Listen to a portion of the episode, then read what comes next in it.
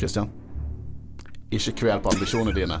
Vi er Jedi-rådet, en Star Wars-podkast, og vi skal diskutere uh, Star Wars. Eh, mitt navn er Håkon Øren. Sammen sitter jeg med Håvard Riis. Og Christian Jeg glemte nesten navnet, men nå, nå fikk jeg det nede. Eh, vi skal diskutere akt 2 og 3 fra Rogue One A Star Wars Story fra 2016. Eh, og jeg, det er jo her liksom det her fettet og kjøttet og liksom the, the dark meat, eller white meat, spørs hva du liker. Jeg liker hvordan du uh, tolker denne jo, filmen. Jo, takk. jeg har full kontroll. Men det er liksom her det beste i Rogue One ligger, da. Helt enig. Eh, som eh, første akt, det er jo kanskje Noen kan si at den er litt rotete. Mm. Litt dårlig pacing og Men altså, det er mye kult som skjer. Ja, jeg, Men, jeg liker eh, akt 1, for ja. all del. Og så får vi se Darth Vader er tilbake. Darth Vader med James Earl Jones tilbake igjen i stemmen. Det er jo ikke han som spiller han. Det er faktisk han som spiller han blå alien som tok uh, headsettet til uh, Starlord i Cards of the Galaxy. Han som er i Darth Vader-drakten. Det er ikke navnet hans, men det er han som er i Darth Vader-drakten i filmen. Uh, men skal vi bare diskutere akt 2 og 3, da? Ja. Vi skal diskutere akt 2 og 3. Fra 2016. Rogue One, A Star Wars Story.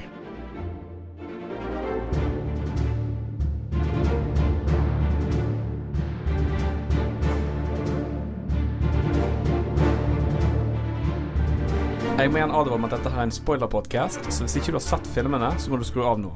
I'm one with the spoilers. The spoilers are with me. I'm one with the spoilers. The spoilers are with me. I'm one with the spoilers. the spoilers are with me.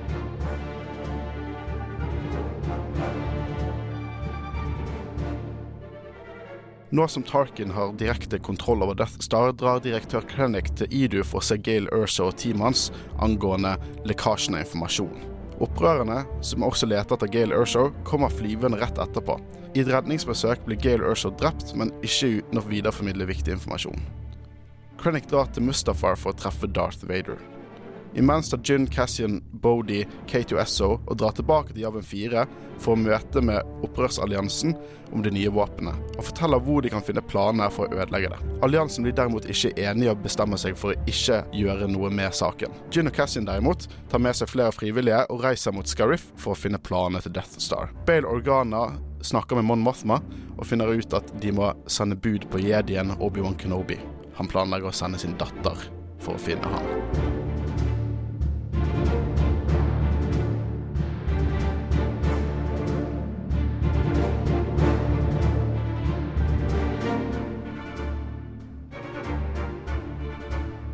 Da var vi ferdig med å recappe akt 2 fra Rogue One og Star Wars Story. Vi skal begynne å diskutere litt eh, hendelsene og canon og, og law og alt det snedige som skjer i denne filmen. Eh, så nå har jo på en måte Nå har eh, Death Star sprengt opp halve Jedda. Eh, og jeg, jeg liker motsetningene som vi snakket litt om i forrige episode. At liksom de er sånn Å, så kult, så vakkert. Mens eh, opprøreren, eller hovedpersonen vår, bare eh, løper for harde livet. Og det er jo det Krennic gjør sånn It's beautiful. det er ganske vakkert. Uh, og jeg liker bakgrunnen. Så ser du sånn flere eh, Imperials som driver sånn gratulerer hverandre. Sånn Good work, old chum. Sånn skikkelig britisk. Uh, de har på en måte endelig gjort noe stort. Uh, Nei, så det er ikke så rart. De har jo jobba med dette i mange, mange år. De har all grunn til ja, å gratulere ja seg de, bør, de bør gi seg en liten klapp på ryggen. Det, det er godt jobbet. Eh, og Tarkin er jo veldig fornøyd.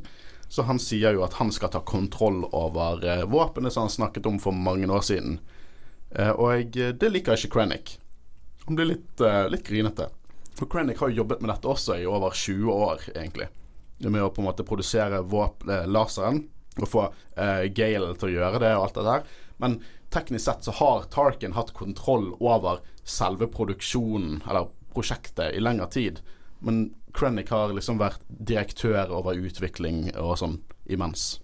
Ja, nå skal ikke jeg være Nå skal ikke jeg være Jan Thomas og motepoliti her, men denne hvite drakten Han, Ja, skiller, seg, han skiller seg veldig ut fra resten. Fra andre filmen òg. Hva, hva som ligger i den drakten? Eh, vet du hva, eh, det er jo andre eh, Imperial som har hvite drakter. Som vi også ser New Hope. Eh, der er så å si en som har liksom kontroll over sikkerhet og intern sikkerhet i imperiet, har en hvit drakt. Jeg lurer på om det er litt hva man velger, for Tarkin har en litt annen drakt også.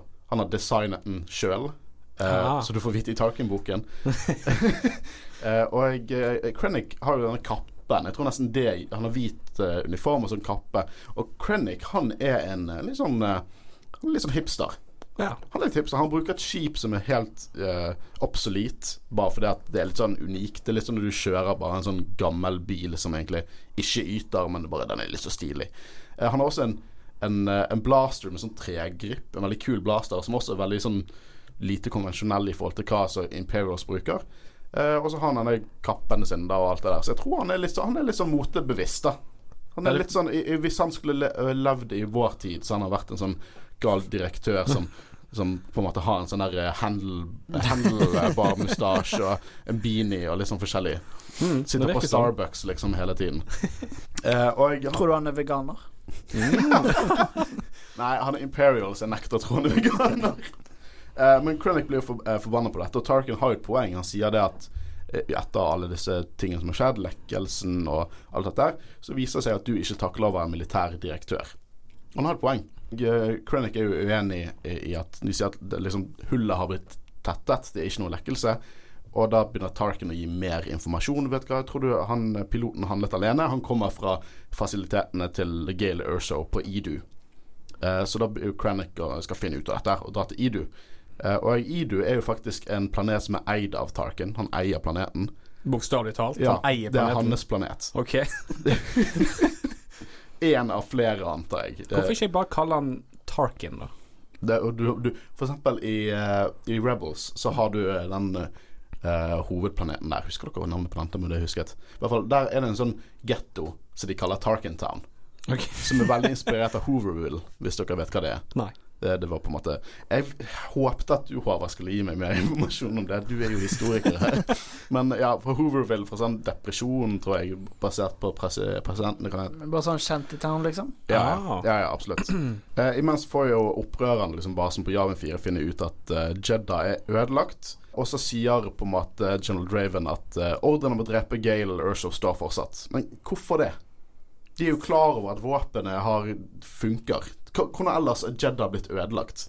Våpenet funker, men han har jo skapt en eh, holdt på å si eh, måte for de å ødelegge han. Ja, men de- skal de stoppe videre utvikling? Hva, hva er dealen der? Jeg, jeg synes at det virker bare som desperat og irrasjonell nå. Egentlig så bør de fokusere mer på hvordan de skal tette denne, dette hullet. Det tette hullet. Ja, eller forhindre at noe skal skje. Liksom bearbeide ja, men jeg det vet ikke som å gå ut etter liksom chief scientist Eller kanskje de er redd for at flere våpen enn den grad kommer ut. Men jeg, jeg tolker alltid som at det er på en måte en litt sånn rask reaksjonell reaksjon. Ja, og, og på dette tidspunktet så har de vel egentlig funnet ut at uh, Altså, de har jo fått vite at Galen Urso har lekka informasjon òg. Ja. så de burde jo tenke at han er på deres side. Mm. Ja, men jeg liker også det at eh, Jeg vet ikke om jeg nevnte dette i forrige episode, men både Mon Mothma og General Graven er på en måte ikke på samme side. Mm. Selv om de er på samme side, så de er to ekstremer i forhold til synspunkt innenfor opprørerne. Jeg tror ikke det er, en best, det er ikke en bestemt leder i den det sirkelen det, Det er mye Men sånn, jeg, jeg bare tenker eh, Jeg syns begge de går på en sånn irrasjonell måte. Så Mon Mothma er naiv og tror at Senatet kan fikse, mens General Draven tror bare en stor neve skal fikse alle problemene deres. Og så tenker jeg liksom ikke helt om det gjør det. Jeg tror verken å drepe Gail Urshow eller gå til Senatet vil jo funke på dette tidspunktet. Men det er den det filmen handler om, at opprørerne på en måte blir en organisasjon, blir samlet, blir en allianse.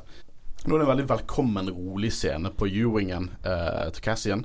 Eh, og de er på vei til Idu for å tilsynelatende finne Gale, for de finner ut at han eh, er på den planeten. Og, og det er en, en annen sånn kritikk denne filmen får litt, og det er motivasjonen til Gin Erso. At hun endrer litt meninger veldig fort i filmen. Eh, sånn type at hun går fra å bare bry seg om seg sjøl og vil overleve, til å plutselig være en del av opprørerne. Og ja, det er en brå endring av motivasjon, men husk hun har nettopp sett en hel planet bli bare blown to hell. Og ikke bare det, hun har nettopp sett et hologram av faren som hun ikke har sett på mange, Ja. mange år. Og, Så og fått endrer hele masse. synet hennes på egentlig alt som har på en måte definert henne som person. Så ja, det er en brå endring av motivasjon, men det er ikke en, det er en helt lo logisk endring av motivasjon. Selvfølgelig gjør man det. Det. Hva annet skal til for at du endrer meningen å se en planet bli sprengt? Det er jo ikke en vanlig affære innenfor Star Wars-universet. I hvert fall ikke på dette tidspunktet. Det kommer jo sånn 10 000 Death Star etter dette her. Gin forklarer jo sånn hva faren sa. Eh, for Cassian har jo også fått en melding om at, eh, at liksom ordren står fortsatt 'drep Galen'. Gale'. Så Gin prøver å forklare hva faren da eh, sa, og Cassian snakker om at liksom Gale er keiserlig, at han står bak dette her. Men Gin prøver liksom å overbevise Han forteller uh, beskjeden at uh, han har lagt en, en liten sårbart punkt, og hvis du treffer det, så vil hele systemet gå ned. Men hun har jo ikke med seg hologrammet, som er frustrerende. For det hadde tatt sånn to sekunder. Det er som å Hvis du på en måte holder på med et prosjekt på PC-en, og så må du løpe. Det er veldig enkelt å bare dra ut av USB-pinnen. sant? Du må jo bare dra den ut og løpe. Men jeg kjøper at hun ikke gjorde det, fordi at planeten gikk i oppløsning. Det er ikke sånn at man akkurat tenker på det, da. Uh, men jeg skjønner hvorfor Cassian ikke tror på henne. Men så tror jeg også at Cassian er veldig uh, Veldig i konflikt med seg sjøl. Tror at en stor del av han på en måte ikke har lyst til å gjennomføre det opprørerne sier han skal gjøre. At det på en måte feiler ordre, men han du merker det når han får beskjeden. Han han er ikke happy for å få den beskjeden at han fortsatt skal drepe Gale. Men allikevel så er han jo en eh, Han har jo alltid vært en lojal soldat, og i denne scenen får vi òg vite at han har vært med i kampen eh, var det, siden han var seks år, Ja. eller noe sånt. Så altså, det er det han er lært opp Jeg tror, jeg til. tror det hele dealen med Cassian er at han er en lojal soldat, og han tviler jo litt på det han gjør, men han på en måte gjør det litt uansett. Så han lærer på en måte å ta sine egne valg i denne filmen. Da. Eh, Resten av gjengen virker som de faktisk er ganske enige med Gin, da. Egentlig alle sammen. Så det, alle støtter, bortsett fra liksom han kapteinen, da. Eh, nå hopper vi til Idu, og det som er litt kult med Idu Idu er jo en sånn Kyber-krystallinstallasjon der de Refinery. Eh, og den planeten er basert på LV426 fra Alien. Og det kan jo man se ganske klart. Store steinformasjoner og regn hele tiden. Så det er en stor referanse til Alien eh, 1. Du ser Tuller spørrende ut. Nei. Ha. Det er en av favorittfilmene til Gareth Edwards, så han ville ha noen referanser til eh, den. Ja, ja. Jeg bare så ikke det for meg før nå. Uh, så nå er jo det Nå har jo vi en- vi nesten oppdatere det nye crewet vårt. For nå er det Gin, Cassian, K2SO, Booty Rook, Chirrut Inwe og Base Malbus krasjlander nå på denne planeten. Igjen, lederskapet til opprørerne er jo desperat irrasjonelle. Liksom, det har ikke gått fem minutter, de bare sånn de, de, de svarer ikke! Hvorfor svarer de ikke? Så deres løsning er å sende en skvadron med X-Wings og Y-Wings der. Så lurer på hva kan gå gale her. eh, opprørerne er de er, ikke, de er ikke på sitt sterkeste. Eh, I hvert fall ikke lederskapet en- ennå. Det er liksom Det er jo The Little Guy senere i filmen som faktisk pusher lederskapet til å faktisk ta eh, kontroll. Det kom en sterk ung kvinne om ikke så lenge. What are you proposing? Cassian, Jeg liker hvordan Cassian er kjempeirritert på K2SO fordi at eh, eh, han begynner å, å unnskylde for hvorfor ikke Gin skal være med og finne faren. Bare sånn 'Å, du er beskjeden vår. Du er den eneste som har sett hologrammet.' Så sier han 'Det gir ikke mening. Jeg har sagt til dere alle hva som var på hologrammet.' og så sier K2SO 'Du sa at eh, hvis du treffer dette punktet, så går hele systemet ned'. Og så blir- blir eh, Cassian dritforbanna fordi at han plukker hull i logikken hans. Og eh, så drar han ut sammen med Bodhi for å Eller Bodie for å finne eh, Gale, da, tilsynelatende. Ja, men igjen, hvorfor, hva grunn har han for å lyge? Eh, det, han vil ikke Han vil jo ikke at hel, Gin og hele denne gjengen som støtter Gin, skal vite at han skal faktisk ut der for å assassinate en person som de tilsynelatende tror de skal redde. Nei, nå tenkte jeg på hologrammet. Er hvorfor hun skal lyge. Ja. Jeg tror ikke at eh, jeg tror, Hun kan, jo lyge fordi at hun vil ikke at noen skal drepe faren sin. Men Ja, det jeg jo- tror ikke at noen i det rommet egentlig tror hun lyger. Jeg tror ikke Cassian tror hun lyger heller. Jeg tror Cassian bare fortsetter det der at han blindt følger ordre. Ja. Du merker han blir veldig irritert og på en måte litt sånn twitchy. Spesielt etter dette her eh, med, med Jedda. Og du har merket hvordan sånn, han sånn ser Gin, kanskje på en annen måte. Begynner med at han er skeptisk på henne. Hun er bare en sånn kriminell. Og, og sånn sett hun redde barn på gaten og slå ned stormtroopers og på en måte snakke med en terrorist i form av Saw Gerrera og få liksom den informasjonen hun trenger. Så det kan hende han ser hun i et helt annet lys og begynner på at det blir mer i konflikt med hva han skal gjøre og hvem han er på den måten. Eh, mitt syn, da. Nå eh, går jo de ut i regnet for å finne, og uh, Gin på en måte hører Chirrut spørre Base om på en måte Har han et vennlig fjes? Ja, han har fjeset til en venn. Som er litt søtt. Jeg syns det er litt søtt. og så sier Gin ja, hvorfor spør hun om det? Og så sier eh, Chirrut at kraften beveger seg mørkt rundt uh, individer som har en intensjon til å drepe. Som er en kul liten uh, law eh, dump, egentlig, syns jeg. Uh, og så sier Kato, Kato bare Ja, han er med seg sniperen sin. så Gin løper ut der, og uh, Chirrut og Base løper etter henne. Uh, også en liten gøy uh, dialog der at uh, Chirrut løper ut dit, og så sier Base Skal du dra dit alene? Nei. Ha deg. Og så er han sånn faen. Og så løper han etter. Uh, og da får jeg det bekreftet nå at Chirrut er force sensitive. Han sier at han ser The Force. Så ja, han er force sensitive. Jeg liker at de har en force sensitive som ikke er en Jedi. Eller vi har jo sett det i Mars Granata, men ikke en sånn Ikke direkte. Nei, jo, det er, men det er ikke sånn kvinnelig Yoda, sånn allmektig. Bare en vanlig dude som er force sensitive, Ja. uh, og han er ikke en Jedi. Jeg syns det er litt forfriskende. Uh, jeg skulle gjerne sett flere historier om Base og Chirrut, som buddy cup. Ja, altså Serie. Så langt så er egentlig favoritt-bromansen min mellom Poe og Finn. Mm. Men Bo, uh, Base og uh, Chirrut Ja, det. er koselige, altså. Gale går jo uh, i uh, sniperposisjon, og så sender han vekk Bodie. Og Bodie skjønner jo at noe er galt. Han, han sa, sier jo 'Vi skulle bare se'. Du sa vi skulle se, og sier han 'Ja, jeg ser jo! Gå!' så han setter seg ned i sniperposisjon, og så får han egentlig se gjennom snipersiktet sitt hele dette møtet. For Krennic lander veldig kult. Han kommer på en måte bak de lyskasterne kommer opp. Musikken hans kicker inn, og så lander han for å møte med Gale og fullt av ingeniører. Og jeg vedder på at Krennic helt klart over at det er Gale som har gjort det. Jeg tror Krennic er 100% klar over at det er Gale som er på en måte lekkelsen i alt dette her nå. Og at han bare Han er litt dramatisk av seg, så han skal på en måte lage en sånn display. Så Krennic sier til Gale at han har på en måte en announcement, så samle opp ingeniørene dine, vi skal få snakke litt. Og så begynner han sånn En av dere forrædet imperiet. Og så hvis Jeg forventer at han skal komme fram nå. Ok, Hvis det er ingen som kommer fram, så skal vi se at det var gruppearbeid. Og så eh, sier han til Death Trooperne sine at de skal skyte, men så løper jo Gale fram og, og sier eh, Stopp! Det var meg! Det ender med at Krennic eh, ser liksom på Gale. da Jeg tror ikke han er veldig overrasket, og så bestemmer han seg for å skyte ingeniørene uansett.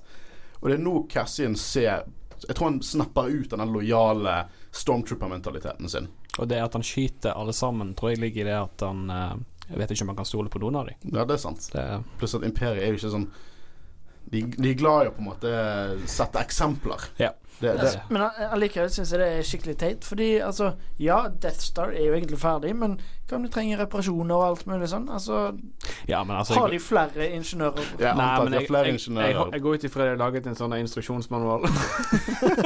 Det er en veldig god PowerPoint-presentasjon.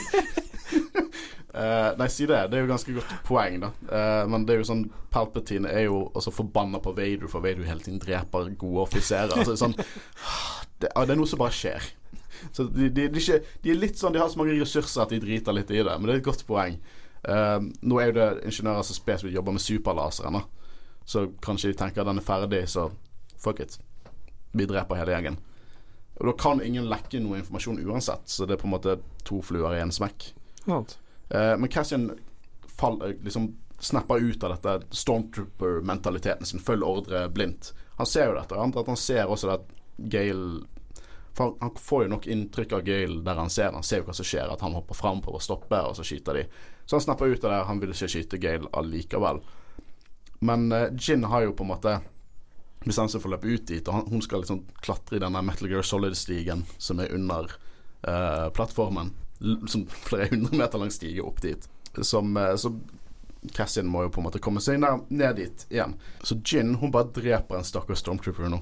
Han bare står der, eh, og hun drar han ned eh, uten at han, han sier hei, og så bare faller han nedover. Det, det, det, det føles som Star Wars, for i Star Wars så er det helt klart the good guys som er the bad guys og gjør de mest tvilsomme tingene. Stormtrooperne er bare stakkars fodder. Syns så synd på dem. Ja, men altså Du er ikke Han ferdig med det, da, hadde du? Sagt Kunne, ja, det Han hadde jo sagt Hei, someone is here, over sier, here. han sier ikke han bare sånn Hei. Ja, så, så Cassian får vite at en skvad, skvadron er på vei. Eh, men han vil at de skal stoppe det, fordi de har, har allierte på plattformen. Og det viser seg at det er for seint til å stoppe. De er allerede i luften. Eh, så nå er jo på en måte vår hovedperson Gin Urso sammen med Krennic og Gale og fullt av Imperials på denne plattformen. X-Wings og Y-Wings er på vei for å angripe den plattformen. Og nå tar Krennic og går full blond sånn skal, smøre i trynet på Gale at han har klart det. Så han eh, slår han, og så skal formidler han at våpenet er klart, og at de har ødelagt Jeddah, og så Guerrera. han nevner liksom at the last reminder of the Jedi er ødelagt. Så jeg liker at motivasjonen til de overordnede i Keiserriket er fortsatt det å undertrykke liksom jediene og det som er sagt om jediene. Så jeg syns det er kult. Eh, det er liksom ikke bare Palpatine og de som er på en måte fortsatt å trykke de ned. Selv om de er døde, så skal du på en måte pisse på graven deres. Så det, jeg syns det, det er kult. Det, det er jo ikke snilt gjort, da, men det er, det er kult. Så storymessig er det kult. Ja, nå er det liksom deres tid til å regjere. Nå har Jediene vært for lenge i makten. Mm. Selv om makten blir litt feil å si, da, men Eh, og nå får vi en, en ny, ny, ganske kul kamp som er i midten av filmen. En, en uh, fighter-kamp. For du ser bare fullt X-Wings som flyger gjennom disse steinformasjonene med lyskasterne sine. Og jeg vet ikke om dere har noe in, en innsikt på eh, kampen der. Det er ganske mørkt, eh, men bortsett fra det så er det veldig stilig. Mørkt eh, tematisk, eller mørkt? Begge deler. Fordi eh, det er jo faktisk en Rebel Bomber som uh, Y-Wings. Y-Wings. Y-Wings. Som dreper Galen Urso. Ja. For det er Gale Urso dør. Vi får også se litt sånn Tie Fighters og sånn. Veldig ikonisk. Og det old school kanontårnet og Cherut som bare sånn puster på ånden, eller ånder seg, ånder på hånden sin. Han sjekker ånden sin. Det er ikke det han gjør. Han gjør et eller annet spirituelt. Og så bare så å si no-scoper han en, eh, en Tie Fighter som bare flyger inn i et sånt kontrolltårn. eh, det er veldig kult. Og han er jo spilt av eh, Matt Mikkelsen. Og it in det, nei. Nei, nå snakker Å, sorry.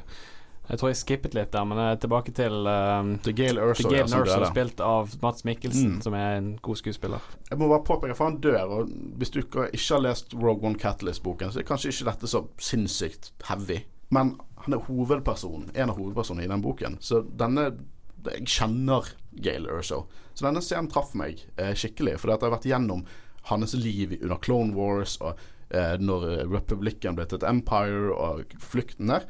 Så igjen, hvis du skal lese Rogue One Catalyst, så gir alt denne scenen så sinnssykt mye mer tyngre på en måte storymessig hvis du bare vet bakgrunnsinformasjonen. Anbefaler alle å lese Rogue One Catalyst, og så se filmen rett etter. Jeg syns det er skikkelig kult at de har uh, gjort det sånn, at de har sluppet en bok som er så knytta opp til det, men allikevel så så syns jeg det er litt dumt òg, fordi altså, det ga deg mye, men jeg har ikke lest den boken. og det, da det, er det på en måte legitimt å kritisere Filmen. filmen, og for Ma- mangel på bakgrunnsinformasjon. var så vidt med i filmen òg. Jeg syns det var litt synd, men Ja, for filmen skal stå litt for seg sjøl. Du skal Ja, få de samme Jeg er helt enig. Ja. Og det er derfor jeg sånn Jeg syns ikke dette nødvendigvis er den beste nye Star Wars-filmen, men det er min favoritt. Det er veldig av alt rundt filmen. Sånn boken som bygger opp til filmen, og det kombinerte verket. Mm. for å si det sånn, jeg har veldig lyst til å lese boka nå, så det er jo noe. Men uh. Ja, da, da må du gjøre det, da. Eh, men nå møter jo Gin på en måte stå over eh, Gale, og, og Krennic har på en måte kommet seg vekk derifra. da Han, han bailet med en gang på- ble under angrep. Han så så vidt Gin, eh, og så bailet han. Eh, og så kommer jo Base og redder de med auto-aimen sin, og skyter ned sånn 20 stormtroopers. så løper ut dit, og så kommer de seg vekk. Og de har jo ikke liksom spesielt våpen, eller er det ganske vanlig? Fordi hvorfor har ikke flere sånne? Jeg vet ikke, jeg kan ikke ha preordret det, og så fikk han det med Deluxe Edition. Det samme jeg tenker, hvorfor ikke flere av den der bowcasteren til Chewie? Det er jo megavåpen. Men den også, det er jo også vanskelig å bruke det effektivt. Egentlig i gammel Cannons Legends så var det sånn mennesker kunne ikke bruke det, men Han Solo bruker det hele tiden, så Hvem vet. Men jeg tror bare at det, det er dyrere våpen. Hvorfor går ikke alle rundt med en sånn Hvorfor har ikke alle atomvåpen i ekte liv? Dessverre så er det sikkert veldig mange som har det, men eh, ikke nok om politikk. Um, nå har jo K2 og Bodhi eh, stjålet et cargo ship, Imperial cargo ship, så de redder de. Og så dreper Bodhi med masse Imperials. Og så sier K2SO eh, Nå er du en opprører. Eller you're a rebel now. Ja, for man må visst være massemorder for å komme inn i den organisasjonen. Am I right? Så han er ikke opprører når han hjelper dem på å ta fly og på en måte organisere og komme seg inn her og, og gå igjen bak enemy lines. Nei, du må drepe. Du må Ja, men- drepe jævlig mange. Da er du en opprører. Nei, du opprører når du kjemper mot fienden. Nei, du er en massemorder. Opprører du og massemorder er synonymer. ja, men-. Han har kjempet mot det. Liksom, det, det finnes veldig mange liksom, folk som var med i sånn andre verdenskrig, som ikke teknisk sett direkte skjøt noen eller drepte noen. Men at de ikke kjempet, da. At de ikke var på en måte en alliert. Nei, jeg kan vel altså, eh, kan, jo kanskje ha mer med det at uh, Altså, jeg regner jo med at de stolte på Bodhi, Men når han faktisk dreper dem, så vet de at da er han til å stole på. Da vet de at han har gått Men, over på andre okay, siden. og, så, de vet det, ja. Men hvor ofte ser vi ikke sånn keiserlige folk som bare ofrer sine egne arbeidere som det er nothing? Tror ikke dere en keiserlig agent ikke hadde brydd seg så mye om de skulle ta ut noen stormtroopers? Tror du det, det hadde virkelig fått de til å ikke sove om natten? Altså Med Battle of eh, Stalingrad så drepte jo russerne ganske mange russere, så Jeg skal gi deg et quote her nå. The enemy of my enemy is my friend. Nå vet jo ikke om det fungerer. Eller jo Eller nei, jeg vet ikke. Jo, kan.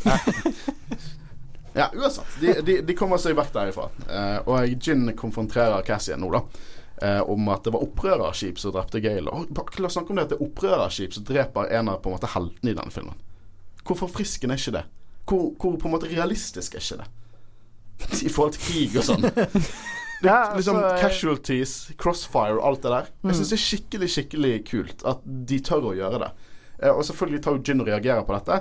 Og det kommer fram det at Gale egentlig Gale skulle egentlig skyte Gale, nei, Gale skulle, Gale skulle egentlig av Cassian. Cassian skulle egentlig skyte han, men han bestemte seg for ikke å gjøre det.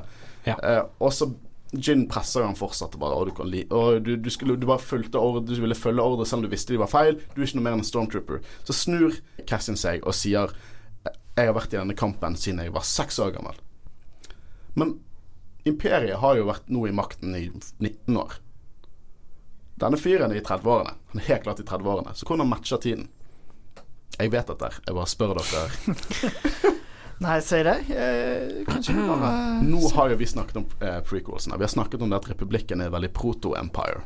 Det på en måte, det har mye det, gjør det mye av det samme med Empire. Det er mye kontroll og på en måte nesten på randen til diktatur i republikken. Og at separatistene ikke nødvendigvis er the bad guys. Dere anerkjenner fortsatt de teoriene. Ja da, ja da. Altså, jeg er fullt med deg på den. Mm. Cassian sin familie og Cassian var originalt separatister. Og Cassian nå anerkjenner at den kampen mot imperiet er den samme kampen som var mot republikken. Hvor kult er ikke det? Dødskult.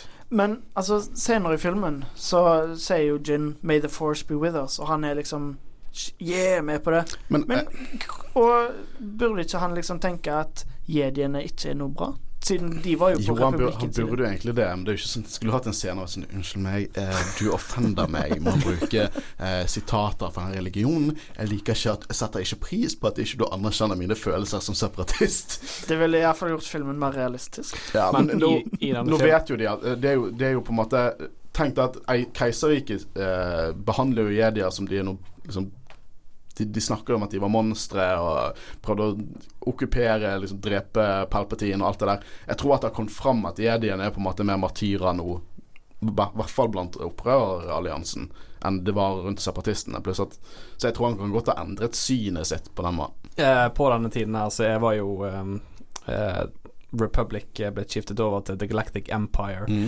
Um, hvor er separatistene? De Er helt forsvunnet? Er det ingenting som heter separatistene lenger, eller er det Nei, fortsatt? du får ikke lov til å hete separatistene.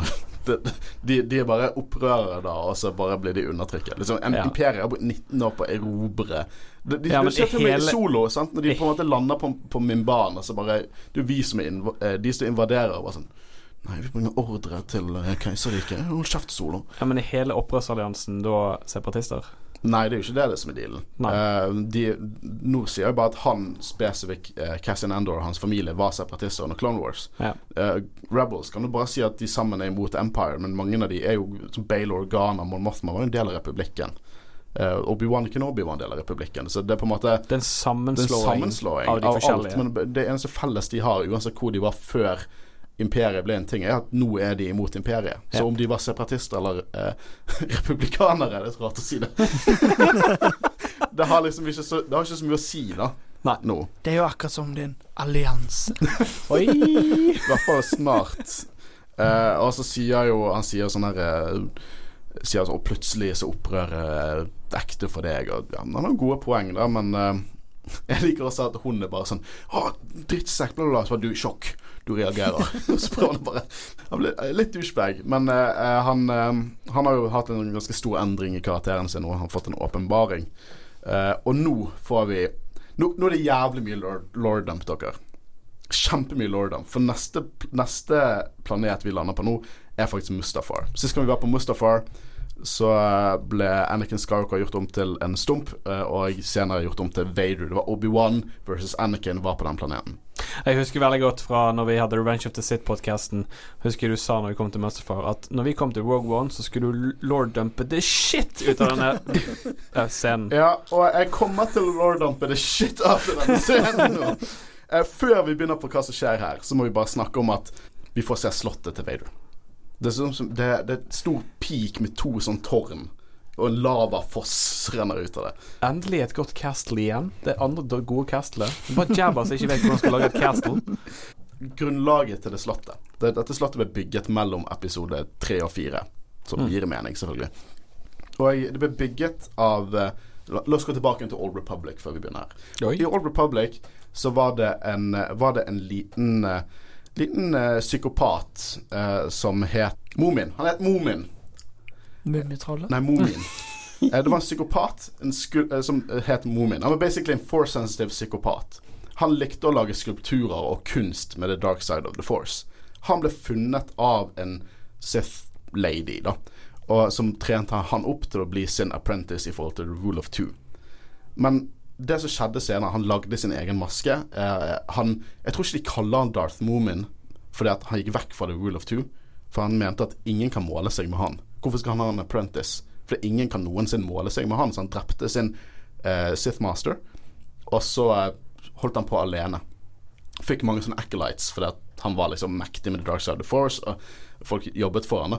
Eh, men pga. dette så ble han på en måte litt utstøtt av The Sith og The Jedi, så det er ikke en kjent historie.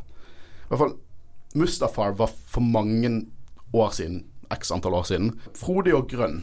Uh, fin liksom planet. Sånn, nesten som jorden, egentlig. Var frodig, grønn og Ikke at jorden er så fredig, fred, fredsom. Fredelig. Men fredelig. Og på den eh, tiden så ville han gjøre et største kunstverket sitt innenfor Dark Side of the Force. Så han er sånn avantgarde-artist, liksom. Det, det han skulle gjøre, det er far out. Det er sykt far out. Men han skulle bruke The Force til å stoppe folk i tid.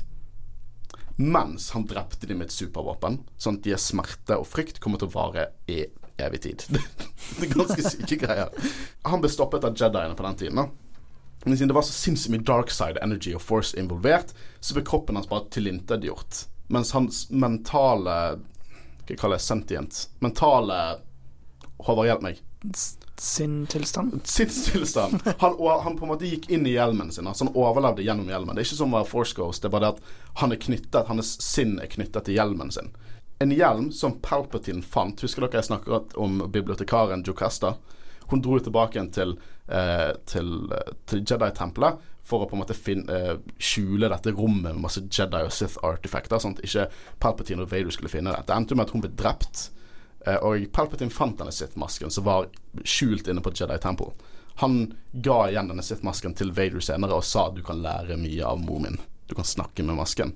Og så dro Vader, fikk den masken og dro til Mustafar for å på en måte han, han veldig, eh, Det var begynnelsen av hans tid som Vader i drakten. Når han på en måte dro til Mustafar egentlig for å finne svar på sine spørsmål og sånne ting. Så da han var der, så fant han ut at uh, Moomin uh, er jo en ting i denne masken. Og når Moomin tok og drepte gikk, tok besatt liksom hans crew og begynte å drepe hverandre og sånne ting. Og han fant han og begynte å snakke med han. I form av som kapteinen sin, nei, arkitekten sin, for de skulle lage en base til Darth Vader der på Mustafar. Eh, så denne arkitekten, da, som var menneske, ble besatt av Darth Moomin, og så snakker Darth Moomin gjennom den personen som han har besatt. Eh, og planen til Vader her er at han vil bygge så å si en så å si en stemmegaffel i forhold til Dark Side Energy. Og Vader vil bruke The Dark Side of the Force på den tiden til å få eh, Padme, bringe henne tilbake til liv. Og han, Moomin mener at han, han kan klare det. Og Det er ganske morsomt, for han, han prøver ni ganger å lage et dark side eh, temple til Vader, men hver gang på en måte de skal gjøre, bruke det til å med dark side eh, portaler og alt dette, så begynner jordskjelv og borgen faller sammen. Så du ser sånn at Vader har på en måte drept Moomin ni ganger. For at han blir så jævlig forbanna hver gang han ikke klarer det. Så det er ni ulike vesener med hjelmen til Moomin på. uh, men så klarer de det, da. Eller de klarer det, men det viser seg at de lager dette slottet sånn som det er nå. Vader åpner portalen for å finne Padmay og sånne ting, og så viser det seg at Vader er jo ikke Anakin lenger. Og den visjonen han får da, bekrefter han er ikke Anakin lenger. Han ser en visjon av at han, han dreper alle sine læremestere, Obi-Wan, hele Jedi Council. Han møter Padmay, og Padmay anerkjenner ikke han i den visjonen. Eh, så han kommer ut av dette her, da. Og jeg eh, er forbanna på Moomin, men det Moomin har gjort Han har brukt the dark side of the force til å dra sin fysiske form ut av the dark side of the force. Sånn at han igjen er Darth Moomin med lightsaberen sin og mektig. Så han skal jo drepe eh, Vader, da. Og det går ikke så bra for Moomin, fordi at Vader er Vader. Så Vader knuser Darth Moomin. Men det som er kul, det som på en måte punchlinen min her, det er at en Old Republic Sith Lord har bygget Darth Vader sitt slott. Og hvor kult er ikke det? Eh, og når, når Moomin på en måte blir bevisst igjen gjennom arkitekten til Vader, så sier han 'Å ja, jeg er fortsatt på Mustafar'. Så det på en måte viser det at det var Mustafar han prøvde å angripe back in the day. Tror du det er bevisst da at uh, At Palpatine uh, sender Vader til Mustafar? Jeg husker ikke helt om det var Palpatine som faktisk sendte han dit. da Nei, jo, Han sendte jo uh, separatistlederne til jo, Mustafar. Det, ja, men han var ikke Han sendte han Hvorfor han sendte dit? Jeg tror det var Det er en dark side force full planet. Jeg vet ikke helt grunn hvorfor han sendte de dit, men det var, det, alt dette her skjer under nesen. Liksom, Palpatine er ikke klar over at noe av dette her skjer. Vader har sin helt egen agenda. I den visjonen sin Vader får under dette her, så har han en visjon at han dreper sine to farsfigurer, som er Palpatine og Obi-Wan. Vader er ikke på Palpatine sin side i det hele tatt. Han har sine egne agendaer. Eh, men igjen Darth Moomin har ikke det, Først ble det hintet at det var Darth Moomin eller Moomin som faktisk gjorde at denne planeten ble helt fucket. Og der har vi en ny lord dump, Christian. For at på, den, eh, på Mustafar, når den var grønn og fin, så var det to individer der. En dame som het Corvax, og hennes ektemann. Og under et angrep på planeten, som jeg tror er angrepet til Moomin, eh, så døde liksom lord Corvax, da. Jeg må bare si at det er så fascinerende å høre på. Jeg bare tar vekk mikrofonen og bare lener meg tilbake. Go ahead det som skjedde her, da var at han ektemannen døde i dette, uh, dette, angrepet, som jeg tror er ganske sikker på at det er Darth Momin sitt angrep. Uh, så hun fant en force artifact som de lokale Mustafor-aliensene hadde, som heter Bright Star. Uh, og The Bright Star var på en måte en force artifact til å bringe liksom, dine elskede tilbake inn til livet. så hun brukte den. Det gikk ikke bra, og kreftene til The Bright Star fucket opp hele planeten. Og det er kule paralleller her mellom Vader og Padmay, og så Lady Corvax og Lord Corvax. Fordi at igjen, det er liksom denne eh, redd for å miste det, døden til dine elskede, som gjør at de på en måte fucker alt over. Eh, og det var sånn Mustafar ble til. Mustafar som vi ser i Rogue One og episode 3, som jeg syns er veldig passende i forhold til historien til Darth Vader. Ja, altså det gir jo mye mer til Altså hele personligheten til Vader òg. Mm. Altså at han er den han er på grunn av det. På, uh, på en måte. Og jeg, jeg, tror at alt dette bakgrunnskennen var nøye planlagt, med uh, inkluderingen av, av uh, Virus slott. Uh, jeg tror, for jeg husker når det kom ut i Rogue One, så skrev Pablo Hidalgo en Twitter-melding og sa at det er ikke siste gang vi ser dette slottet i Star Wars-cannon. Hvor har du lest dette? Uh, denne historien om Moomin uh, Den er med i tegneserien Darth Vaders Lord of the Sith, som er satt mellom episode 3 og 4. Uh, dette her med lord og lady Corvax er med i Star Wars VR-episodene, uh, som er ganske nye. Dette, dette, lærte jeg sånn en uke siden, dette med Corvax. Så skal vi ta turen på Outland etterpå? Anbefaler sterkt å lese. Ja, de, de tegneseriene veldig... er nydelige. Spesielt den Force Vision til Vader når han er der på slottet sitt. Han hører Kylo Ren. Really? Han hører Kylo Ren. og du får hint om at Palpatine har skapt Anakin. Uh, og hele visjonen avslutter med at han har fått lys i, eh, som skinner over hele seg, og så ser du silhuetten av Luke i horisonten. Det, det, det var, den tegneserien gjorde at jeg hadde teorier til Rise of Skywalker når jeg først ikke hadde noen teorier. Men det ble alt ble kastet ut av vinduet når jeg så trailerne. For jeg, tror jeg, jeg, tror jeg var way off. Eh, men tilbake igjen til Rogue One. da eh, Vi får se Vader i en sånn Bakta-tank. Samme type tank som Uh, som uh, nei, Luke Skywalker var i, Revent, nei, Empire Strikes Back. Uh, det er jo her dette hjemmet hans sånn han på en måte kan slappe av, helbrede seg. Ikke at det går noen vei, men i hvert fall dempe smertene sine. Og jeg tror han må virkelig stole på det crewet han har, for det er ikke mange Darth Vader kommer til å vise seg sjøl i den tilstanden til. Det Vet du noe om hvor han har fått de hjelperne fra? Det vet jeg ikke. Eh, jeg tror det på en måte Han som kommer inn der, har et navn, og det er ikke Snoke. Selv om mange tror det er Snoke. Men han er på en måte en sånn Sith acolyte. Han, er ikke, jeg tror ikke, han er ikke, har ikke force powers, men han er på en måte helt religiøs til the dark side of the force, sånn jeg tolker det. Eh, og så har han på en måte disse royal guardsene som står i bakgrunnen og fortsatt ikke gjør noe, men de ser veldig kule ut. eh, men Vader har jo drept folk som bare har sett bak ho nei, hodet hans før, så jeg tror ikke dette her er Dette må være indre sirkel til Vader. Liksom, dette må være sirkel som han driver og sånn planlegger pønsene sine til. Sånn, dette her er på en måte crewet hans. Så du tror Vader har en sånn vitsebok? Jeg tror han bare tenker Jeg tror han henger i den back-to-tanken og tenker ut pøns. Eller så er det George Lucas som har skrevet den. Og nå får jo nå Krennic han er jo har landet her og står på en måte i møterommet, stort utsikt til hele Mustafar.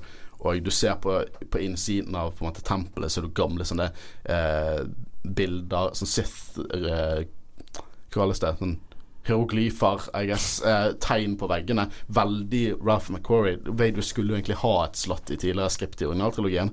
Så veldig old school-inspirert. Skikkelig, skikkelig kult.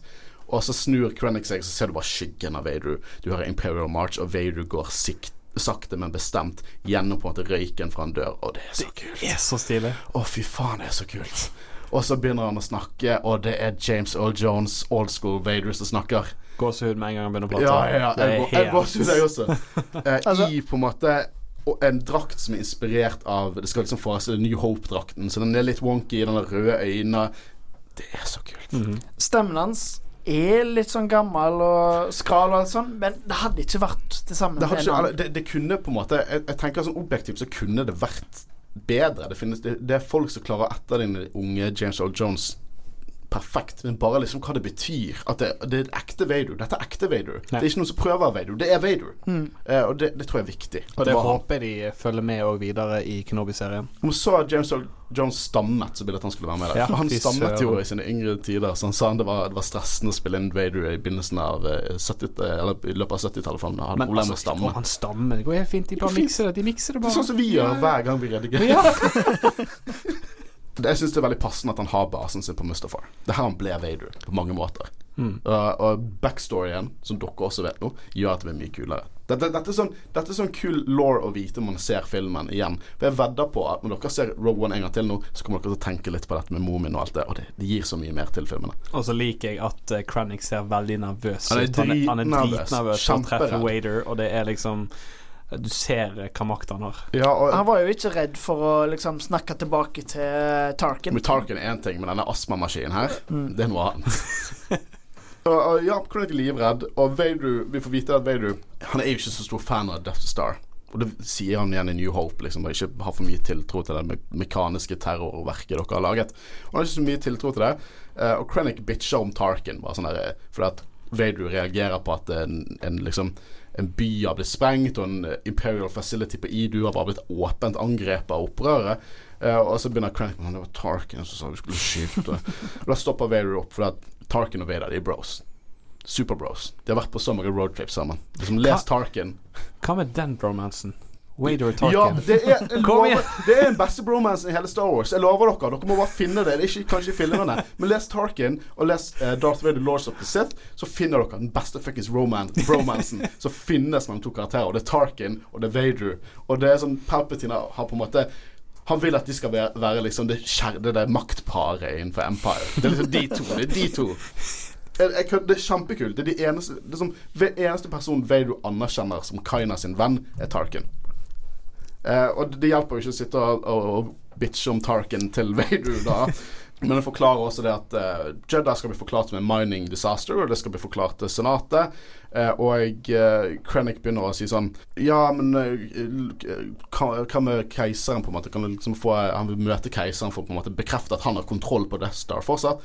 Og så sier Vader det at nå skal du være eh, Du først snakke med keiseren, du skal være sikker på at det ikke skal skje noe mer gale i forhold til det Gail Urso har lekket ut. Du skal stoppe det hølet, alt det der. Og så går Vader vekk, og så sier, eh, sier eh, Krennic Har jeg, jeg fortsatt in charge, liksom? Er det fortsatt min ting? Og så plutselig stopper han opp og merker at han blir kvelt. Så bare snur han seg sakte. Jeg digger det. Fy søren. Og så holder han hånden, og så bare sier han en altså. fantastisk replikk. Ja, Vader, selvfølgelig. Ja. Don't choke on your aspirations, director. Og så går han. Og dette igjen folk, folk, Mange folk misliker det Jeg skjønner ikke det. Det er Vader. Det er Vader. Det er Vader. Eh, sånn som uh, Apology Accepted Captain Nida Ja, fra sant. Empire. Det er er. Vader. Han er en dad. Han kommer med dad jokes. Det er bare sånn Vader er. Så jeg har ingenting imot det. Jeg syns det er passende til karakteren. Og jeg syns det, det hele denne scenen nydelig. Jeg husker første gang jeg så filmen, så var jeg var sånn Nei, ikke gå, over. og jeg, jeg var så redd for at han ikke skulle være mer og mer. for jeg vet jo at Gareth Edwards har jo regissert denne filmen, og han regisserte Godzilla, og da var Godzilla så vidt med, så jeg håpet ikke han gjorde sånn med Vader. Men eh, altså, nå har vi jo fått vite litt mer om eh, hvor eh, Vader oppholder seg når han ikke er med i filmene, på en måte. Vet vi noe om eh, liksom basen til The Emperor? Fordi han er jo så vidt med. Han er, vi ser han jo bare når Basen til The er Emperor på er Coruscant. OK, så Eh, han eh, Keiseren har tatt Jedi Temple og gjort det til sitt temple. Som også er ganske kult. Det er ganske palace. Liksom, Men- eh, men- men- Jedi Temple er nå The Imperial Palace. Å, Det er også et skikkelig palass, er ikke det? Jo, det er et skikkelig palass. Men OK, han kaller det for Jeg, jeg, jeg, tror, jeg antar det er Imperial ikke Palace. Sith. OK, ikke Nei, ikke noe Palace. Sith. game. Han er ikke åpent Sith. Det er ikke mange som vet at han er en Force-user engang. Uh, Tarkin vet jo det, for Tarkin er fucking Sherlock Holmes, så det er bare ond. Uh, men uh, det er få som vet at han er en Sith Lord og dette her. Er Sånn, I boken Tarkin så begynner jo Tarkin sånn her hm, Man mistenker at han her Vader kanskje er en sånn her Force-bruker, sånn som sånn så, The Emperor er.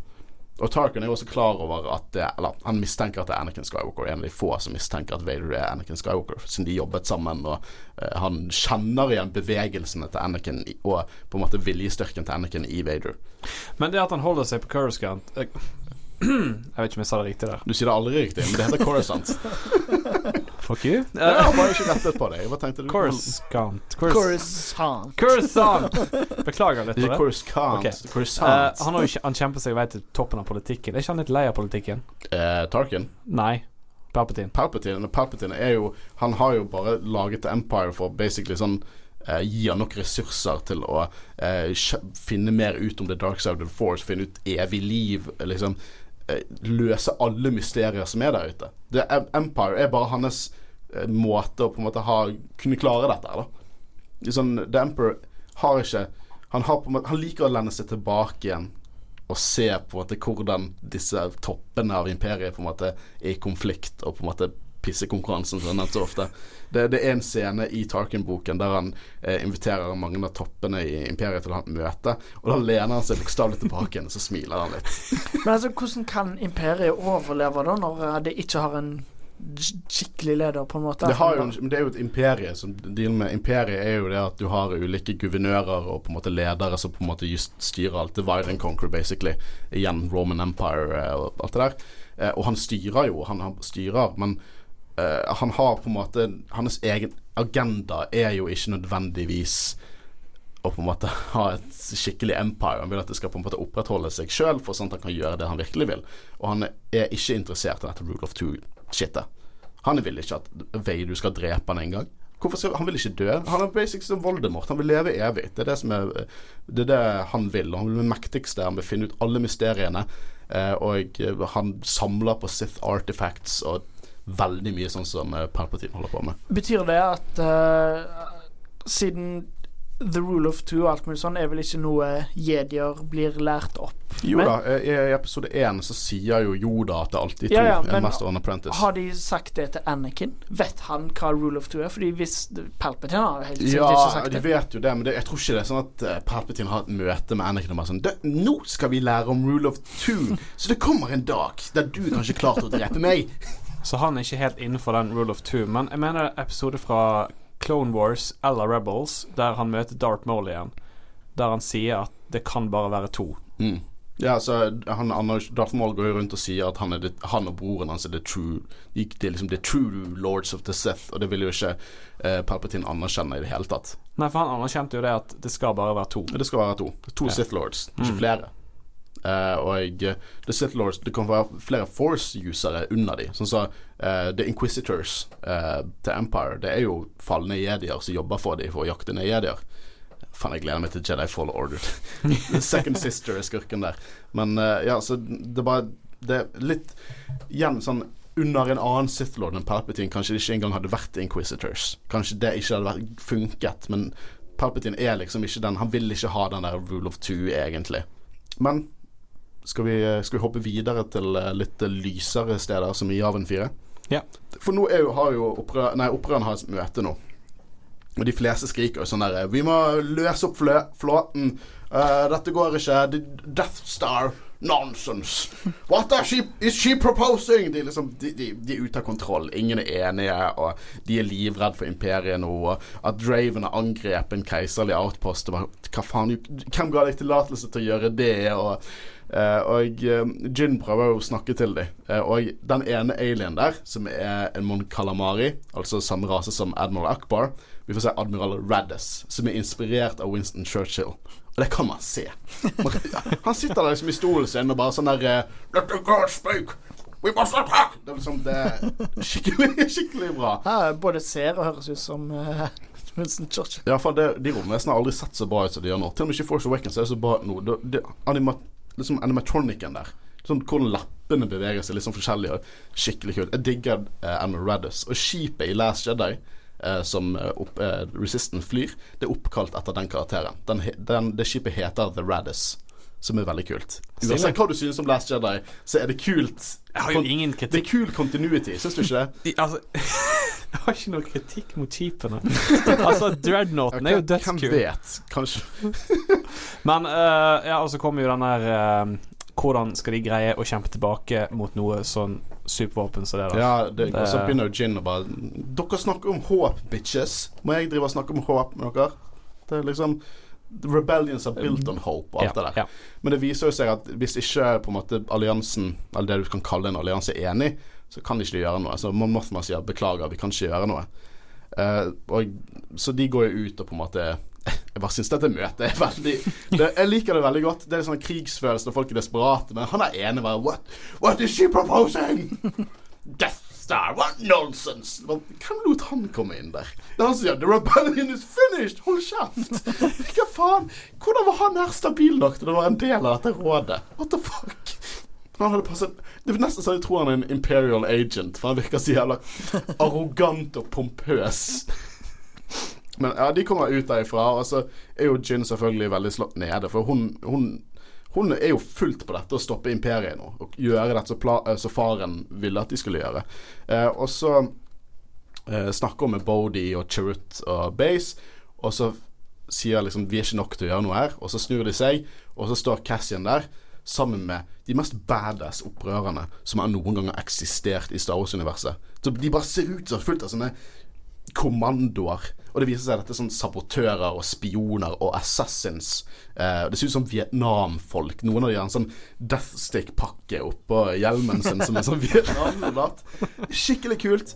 Men Cassian har jo på en måte kommet til den eh, realisjonen nå at eh, alt det fucked up de har gjort for opprørerne. Og nå på en måte når det virkelig teller, så gjør de ikke noe.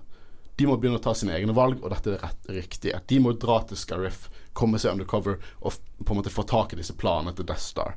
Så det er det de gjør, da. Og så går alle vekk. Så står K2SO der, sier K2SO. Nydelig, det bare treffer deg rett i hjertet. Jeg kommer også til å være der for deg, Gin. Cassian sa at jeg måtte. det er så bra. Og jeg elsker K2SO. Han er så jævlig bra. uh, uh, by the way, uh, jeg mener at Ryan Johnson og Gareth Edwards hadde en avtale. For at Gareth Edwards er jo med i Last Jedi. Har mm. Ryan Johnson en cameo i ja.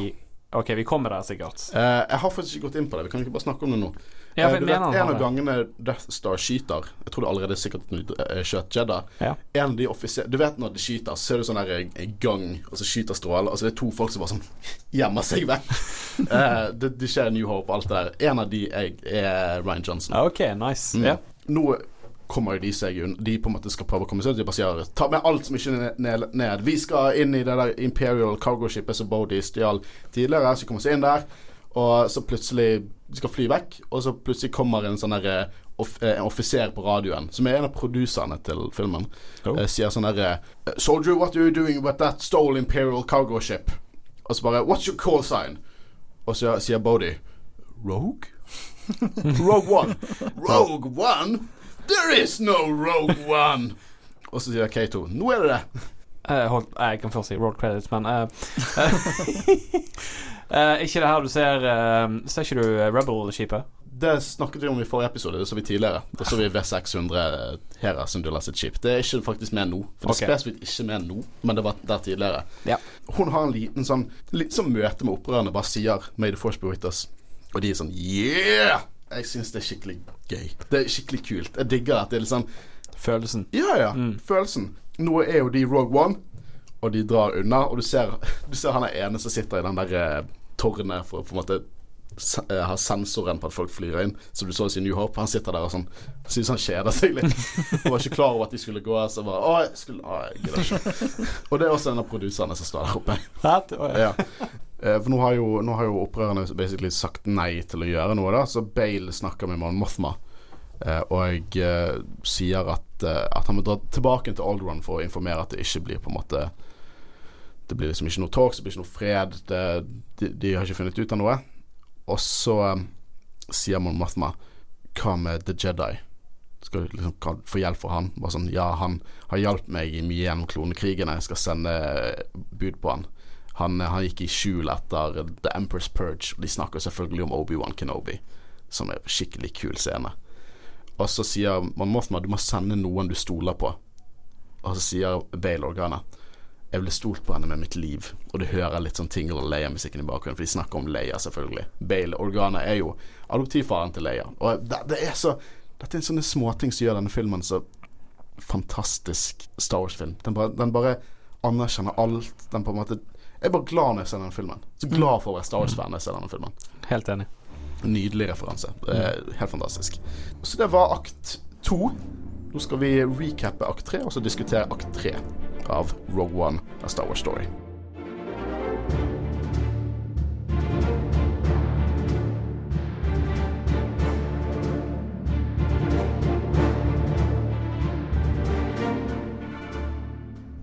Rebellene ankommer Scarif for å finne planene til Death Star.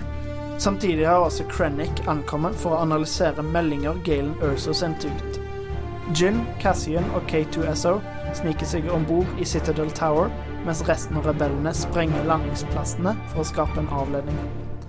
I mellomtiden får både The Alliance og Tarkin vite hva som skjer på Scarif. The Alliance sender flåten sin, og nå er det kamper både i rommet og på planeten.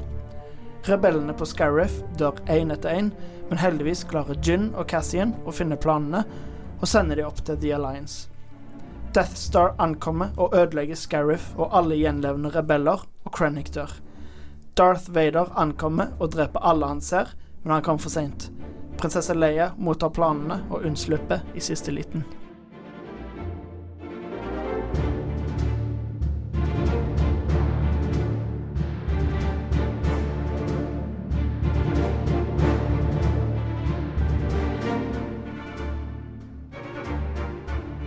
Nå skal vi diskutere litt akt tre. Eh, law, historie, karakterer. Alt, eh, alt det snedige som vi finner i Star Wars. Og Scarif. Hva syns vi om Scarif?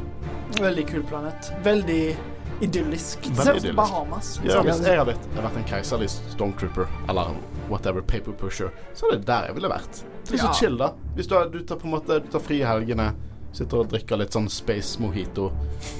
Det er liksom Uansett hvor du er, så det er en fin strand der. Kjempenice. Ja. Ja. Twi'lek har en sånn liten sånn der eh, Hawaiian-hytte på andre siden. Sånn resort place for stormtroopers. Jeg kunne lett slått meg ned der. Ja, ja, ja. Ja, altså Jeg hadde sikkert bare blitt med i imperiet bare for å bli posisjonert der. Ja, bare rolig. Det er sikkert greit betaling. Du er på en måte, la oss si, en underoffiser. Du, du gjør litt sånn statistikk og Det er helt greit. Bare hold deg unna dette på toppen. Der dør du med en gang, for det er Vader. Du må jobbe med Vader og Tarkin og alle de der, men Og helt fram til opprørerne kommer, så er det jo ingenting som skjer der. Ja, nei, altså de koser seg. Bare en liten detalj i kontrakten. Uh, ta meg av planeten før du sprenger den. Jeg skal ha minst to ukers notice før du skal sprenge en planet. Men i hvert fall, nå har jo gjengen uh, access codes via det cargoskipet som Bodhi og K2 stjal på Idu. Uh, og de skal komme seg gjennom et skjold, en port på et skjold som dekker hele planeten. Og jeg elsker det konseptet. En shield gate. Det er én vei inn, én vei ut. Eh, og det er veldig intense intens feeling her. Til og med da jeg så denne filmen første gang, så holdt jeg litt pusten. For at, ok, de har den access-coden, den er litt gammel. De må forklare at de har blitt redirected fra Idu. Og så sånn OK, dere kommer igjennom. Og du holder litt pusten. Det er en intens scene. De bygger det opp skikkelig, skikkelig bra. Jeg syns det er veldig kult. Musikken er veldig sånn dyster og, og på en måte spenningsfullt. Det, det, jeg syns det er en skikkelig kul scene. Og så begynner de å snakke om det at hvis de lukker shieldgatene, så kommer de til å krasje og flyte ut i space og dø. Og så sier Kato Esso ikke meg. Jeg kan overleve i space. på Scarif så har du på en måte The Citadel Tower, og alle strukturelle planer for hele imperiet er egentlig laget i det tårnet. Eh, så det gir mening at de er veldig, veldig paranoid i forhold til det. De skal, de, de, den planeten skal være sikker. Eh, og det er en stor parabol uh, på toppen av tårnet fordi at liksom datafiler kan være så store at de trenger en parabol for å sende de ut. Det er så old school. Og sånn, det er ikke sånn vår teknologi fungerer. Vår teknologi er bedre enn det. Men det er så Star Wars. Det er så 70-tallet. Hele den filmen er filmet inn med liksom 70-tallet. Jeg må bare snakke om sånn uh, Blue Leaders var med i det møtet i forrige akt. Bare sånn 70-tallsbart. Skikkelig badass. Uh, han, er, han er en general. Han er et eller annet med A. Faen, jeg hadde skrevet det ned i sted. Jeg glemte å ta det opp i sted. Gå videre. Han er veldig kul. 70-tallsmentaliteten. det er det jeg snakker om. Dette, dette er filmet inn som om måte det, de, de, filmet inn mens de var 70-tallet. En uh, liten detalj om Scariff. Uh, det her Death Trooper-treningsbarracksen uh, er. Som i, før forklarte hvorfor Death Troopers ikke er med i resten av trilogien, men de er jo med i The Mandalorian, så den teorien går rett ut vinduet. Death Troopers er ikke med i de andre filmene. Det går fint. Death Troopers er badass. Skal, skal, vi snakke litt om hvorfor de ikke er med i de andre filmene? Spekulere litt. Ja, hvorfor er ikke de med i de andre filmene? Altså, de, altså, I og med at de er så gode, de er kule, de er dobbelt så gode som en vanlig Stormtrooper, hvorfor i all verden er ikke de the elite soldiers som Palpatine sender ned til Endor? Fordi at det ikke er nødvendigvis eh, infanterisoldater. So what? Ja, men, ja, ja, men de, de, har, igjen, de har ikke så mange av dem. Det er litt sånn alle eh, soldatene på D-dagen var ikke nødvendigvis kommandoer eller spioner. Så det du prøver å si, at de sparer de beste til en annen gang? Nei, men de, bruker ikke de konfliktene nødvendigvis. De, de, bruker det på en måte i undercover-arbeid til å på en måte støtte eh, bodyguarder for veldig store imperial karakterer. Du sender ikke liksom 100 Death Troopers. Det, det, det er ikke sikkert det finnes 100 Death Troopers engang. Så du sender en bataljon med vanlige soldater, dette er elitesoldater, som til spesialoppdrag. Så det er egentlig derfor man ikke ser det i de andre filmene. For at på Hoth er det et stort slag. Det, de er ikke vakter, på en måte. Det, det er kommandoer. Sånn som på D-dagen. Det er jo ikke kommandosoldater som løper inn, det er vanlig infanteri. Kommandosoldatene blir sluppet med fallskjerm et annet sted. Se på dette som airborne-soldater, da, på en måte. Ja, så jeg står bak deg. Ja, jeg har aldri tenkt over det, men det er egentlig Jeg syns det var en ganske god forklaring fra meg. Ikke for å være arrogant og sånn, jeg er jo litt arrogant, men det, det går fint. Nei da. Uh, nå kommer det en liten tale til Jin, da, fordi de har kommet seg gjennom. Og jeg liker at hun hedrer så Guerrera. Uh, at, siterer han at uh, en desperat person med en pinne kan vinne dagen, liksom, ingenting, som er, har ingenting å tape. Og de må bare prøve om igjen og om igjen, helt til de ikke har flere sjanser. Og det er liksom sånn, som de sier, selvmordsoppdrag, fint. Nå er de dypt inne den lille gruppen med rebels. Vi har hovedpersonene våre, vi har på en måte en del kommandoer, og de er dypt inne i keiserlige områder. De, de er liksom i kjernen av keiserlige om områder. Uh, og Gin og Cassian og Kato de, de lander jo også kler de seg ut som Imperials, for Kato er jo en reprogrammert keiserlig droid, så han passer jo inn. Resten skal sabotere og sikre, på en måte. Uh, plassere eksplosiver rundt omkring, skape forvirring og på en måte la de komme seg til tegningene uh, som er inne på denne basen. Eh, Krennic ankommer jo Scariff nå, og jeg syns det er veldig kult. Bare liksom vi får Krennic sin theme, bare sånn spilt jævlig for, sånn Og så flyr han inn, lander. Eh, og han skal forsikre seg at ingen annen informasjon har lekket fra Gale. Så nå, nå, på en måte driver de har kledd eh, kledd seg som Imperials, de andre skal på en måte komme seg ut uh, under skipet. Og Base uh, gir en liten sånn peptalk til Gin, da. Kaller hun little, 'Good luck, little sister'. Syns det er litt rart. Little sister. Hvis det bare var sister, så hadde det vært bedre. De har ikke vært gjennom så jævlig mye at han anerkjenner oss som familie? Er det noe spirituelt? Eller liksom, er det en religiøs ting? At du liksom Du har liksom Big Brothers og Little Sisters, eller du har Little Brothers og Little Sisters, og så Altså, har du i- Brother eller Grand Sister. I munkeordener og sånn, så kaller de jo for brødre og alt mulig sånn, så det kan jo hende at det er Det en det religiøs greie. Mm. Det er veldig kult dette. Det er veldig sånn undercover krigfølelse. Det er på en måte De må komme seg ut i riktig eh, tidspunkt under skipet. Eh, du ser på en måte de går rundt Stormtroopers og eh, K2 han har en bad feeling, men han får ikke lov til å si det. I have a bad K2, shh, what? Ja, det er morsomt, fordi det er så Det er en spin of Star Wars-film, så Ja. hvorfor ikke bare lage en liten spin av den der I have a bad feeling about this? Det er passende, syns jeg. mm. Um, innsiden av strukturen eh, liksom, til dette tårnet og sånn, er jo filmet i London eh, Tubes, liksom underground. Veldig kult. De har brukt litt CGI på trapp, rulletrappene, ellers er det bare Det er inne i underground. Og du kan se det hvis du vet det, og så ser du de scenene de går inn. Det ser ut som London Underground, og det er veldig kult. Eh, og så ser du også en annen KX-droid, for eh, K2SO er en KX-droid. Og så merker man at den andre er sånn veldig robot og veldig sånn posituren er helt annerledes, mens K2 går litt mer som en hippie. Sånn, litt sånn dårlig positur, han på en måte litt mer avslappet. Jeg liker de detaljene. Du merker at liksom De, de er annerledes. De programmerte programmert annerledes. Da. Eh, og vi får litt Stormtrooper-snakk. De hopper ut igjen til utenfor. Vi ser at uh, opprørerne sniker seg rundt. Og vi får litt Stormtrooper-snakk, uh, der de sier sånn Har du hørt ryktene? Ja, 1015 er markert ubrukelig. Og boy, det var på tide. Eh, og så kommer det en gal blind dude og bare slår de ned. de, dette er folk, de hadde sikkert en time til av vakten sin, og skulle de ta seg en øl på liksom den Twi'lek-kantinaen på andre siden av uh. Eh, og Krennic han kommer jo inn til på en måte styret da av uh, Scarif, og du merker at han må ha ganske mye makt. Militær makt, nesten. Han, for han snakker med han general Ramda, da. Han snakker ned til han, på en måte. Eh, bare Å, vi har alle filer som Gayle Urso har noensinne vært borti. Alle ordre, alle på en måte notater fra han. Og så alle? Ja, alle! Eh, og de, de obliger han og, og gjør det. Tenk deg om han hadde kommet inn der, og så hadde de alle drukket sånne her uh, forskjellige typer smoothies. Så hadde sånn Alle sitter med, med sånne Ja, Hawaii-skjorter. Hawaii. og så hadde han fått sånne Honolulu-greier når han kom inn. Sånne her blomster sp- Det er sånn Twillac-dansere med Ja. sånn, sånn magedanser. Sånn Og så hadde alle stormtrooperne hatt på seg det òg, liksom. Litt sånn Hawaii-følelse. Ja. Hvis de laget et Lego Rogue One, så er det, kan jeg garantere deg at det hadde vært en scene i Lego-spillet. Nå eh, finner de ut at K2SO må overføre filer, eller kartet, fra en annen sånn droid fra hans type. Det virker som han blir litt sliten av det. det, det sånn, han lener seg til veggen. Han er litt sånn Akkurat han ikke liker å gjøre det. Det er bare en liten ting jeg alltid tenker. Det virker sånn Cassian sier jo tidligere 'du vet hva du må gjøre'. Eh, og så gjør han det, han stikker liksom sånn stor pokey thing inn i hodet til en annen eh, BX-droid, og så får informasjon. Han sier at de kommer ikke mer enn 30 på veien ufør at de blir drept. Det er for mye Stormtroopers i veien. Så da gir Cassian beskjeden til opprørerne sine, eh, Melshi, eh, at eh, de skal sprenge disse lokasjonene.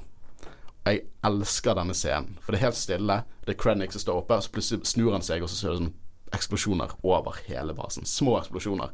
Og så alle ser bare helt overrasket. Og så sier han What are we blind? de, de forventet sikkert ikke sitt villeste drømmer at noen skulle komme seg gjennom den shieldgaten. Hvordan i helvete skulle de det? Det var én vei inn, én vei ut, de, så de kom jo seg inn, da. Eh, og jeg, eh, så han sier sånn 'deploy the garrison', så da får vi se fullt av stormtroopers, og vi får se en ny type stormtrooper, shorttroopers, som er veldig kult design. Eh, de er liksom beige rustning, minner kanskje litt om scout troopers eh, fra episode 6. Uh, dealen med uh, short troopers er jo Vi har snakket om det at det er så jævla mange spesialenheter for stormtroopers. Det er scout troopers og eh, mud troopers er liksom, Hvor enn de er, så mountain troopers, jet troopers, hele pakken. Disse er spesialsoldater, da. Så hver eneste short trooper, enten om det er en offiser eller en vanlig soldat, er på en måte en stormtrooper som har på en måte vært veldig flink, og så har de fått råd som en sånn spesialsoldat. Så på Scarif så har de disse shorttrooperne. Og så må jeg bare nevne det at uh, Scariff er filmet på Maldivene. Mm. Jeg, jeg tror det var jævlig varmt. Mm. Eh, På den største øyen, tror jeg heter Gan. Øyen heter Gan. Garn? Gan. G-A-N. Garn? Gan. Gan. Gan. Garn. Mm. Tarkin får nå vite om at Scarif er under angrep, eh, og han er jo selvfølgelig ikke, Han er nervøs. Han viser jo ikke at han er, han er nervøs for planene til Death Star er jo på Scarif. Han sier oh, 'få snakke med Krennic'. Han er der. Eh, og jeg, en av de som snakker til han, er jo faktisk en av de som sitter rundt det bordet eh, i New Hope eh, når de har møte, de keiserne, eh, keiserlige offiserene. Eh, så det er en kul ting. Eh, men så han sier jo det at, at han vil dra dit, altså vi, de, han vil sende Death Star gjennom hyperspace. Jeg er så lei meg for at vi ikke får se Death Star kjøre i hyperspace. Bare stor som ball. du bare Tar det lengre tid, tror Ja, du? Siden det tar, det tar mye lengre tid. Okay. Eh, betraktelig mye lengre tid. Jeg tror eh, Millennium Falcon går 1.5 past light speed. Jeg tror denne går eh, 0.5 past lightspeed. Som det tregeste noe kan gå gjennom lightspeed, eh, gjør Death Star. Um, vi vet jo ikke hvordan det ser ut, da. Uh, Men det kunne uansett sett litt goofy ut, jeg. Men uansett så liker jeg den eh, når den kommer liksom bare mot planeten. Ja, ja. Det shotet er det shotet er nydelig. Så kommer Ja. noe etterpå, da. Opprørerne tilbake på Javin 4 finner jo ut at nå har jo en gruppe opprørere bare angrepet. Den, han ene fyren løper ut som om Mom! Mom! Stop there, private! Og så begynner han å snakke med Mon Mothma og sier at eh, en gruppe har angrepet Scariff, og de er der nå, og Raddus har allerede bestemt seg for å slåss. Og så begynner Mon Mothma å smile litt. På Javin 4 finner opprørerne ut at Gin og disse rebelsene har angrepet, eh, og eh, de, Mon Mothma sier liksom har Reddus gjort? Og Reddus har allerede dratt for å slåss i skipet sitt, eh, Profundity. Og jeg, eh, Mon Mothma begynner å smile.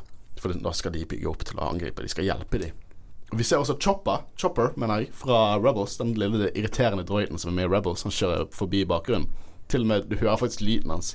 Sånn han snakker. Og på eh, høyttaleren i bakgrunnen så får du høre navnet General Syndulla, som er Hera Syndulla, en av hovedpersonene fra Rebels. Eh, denne filmen anerkjenner Rebels ganske mye. Deres er jo vært med til i akt 1, og deres kommer til å være med nå i siste slaget. Um, og nå er det full krig på Scariff. Keiserlige soldater eh, er superforvirret, og opprørerne driver og gir de feil informasjon.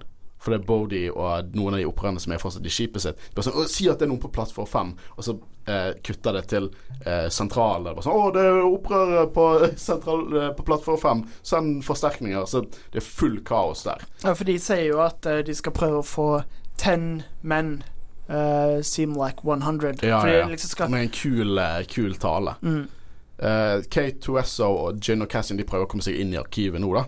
Uh, og imens på bakken så er det konflikt, så ser vi at eh, ser vi en ny type walker. En AT-ACT, eller AT-ACT, som er litt annerledes enn AT-80-ene. De, de er mindre pansret, og de er egentlig bygget for transport, eller beskyttelse og transport. Så derfor har disse oransje dørene på siden.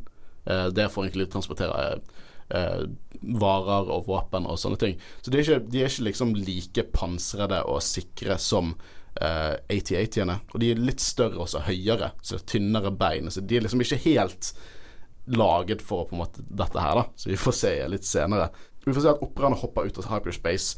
Vi får se Ghost fra Rebels hopper ut. Masse små uh, skip. Kjempekul scene. Og det føles som Star Wars. Det føles som et originaltrilogislag. Jeg elsker Starfighten her. Det er kanskje der oppe med min favoritt. Jeg liker eh, episode 6 sin kanskje litt bedre, men dette er, dette er ekte fighting. Det, av Disney-æraen så er det det kuleste vi har sett i space av, av kamp. Jeg syns det er helt nydelig. Ja, absolutt. Uh, hovedsakelig fordi det bare ser nydelig ut. Altså i uh, Og oversiktlig ut også. Ja, Det, er, det er ikke sånn at du, du får for mye. For i Force Awakens så fikk du veld, det var veldig voldsomt med, kamp, med X-Wing-kampene. Men her du får oversikt og skala. Skikkelig skala. Det ser, det ser ut som miniatyrer, nesten. Som et kompliment, liksom. Ja, det ser visuelt nydelig ut.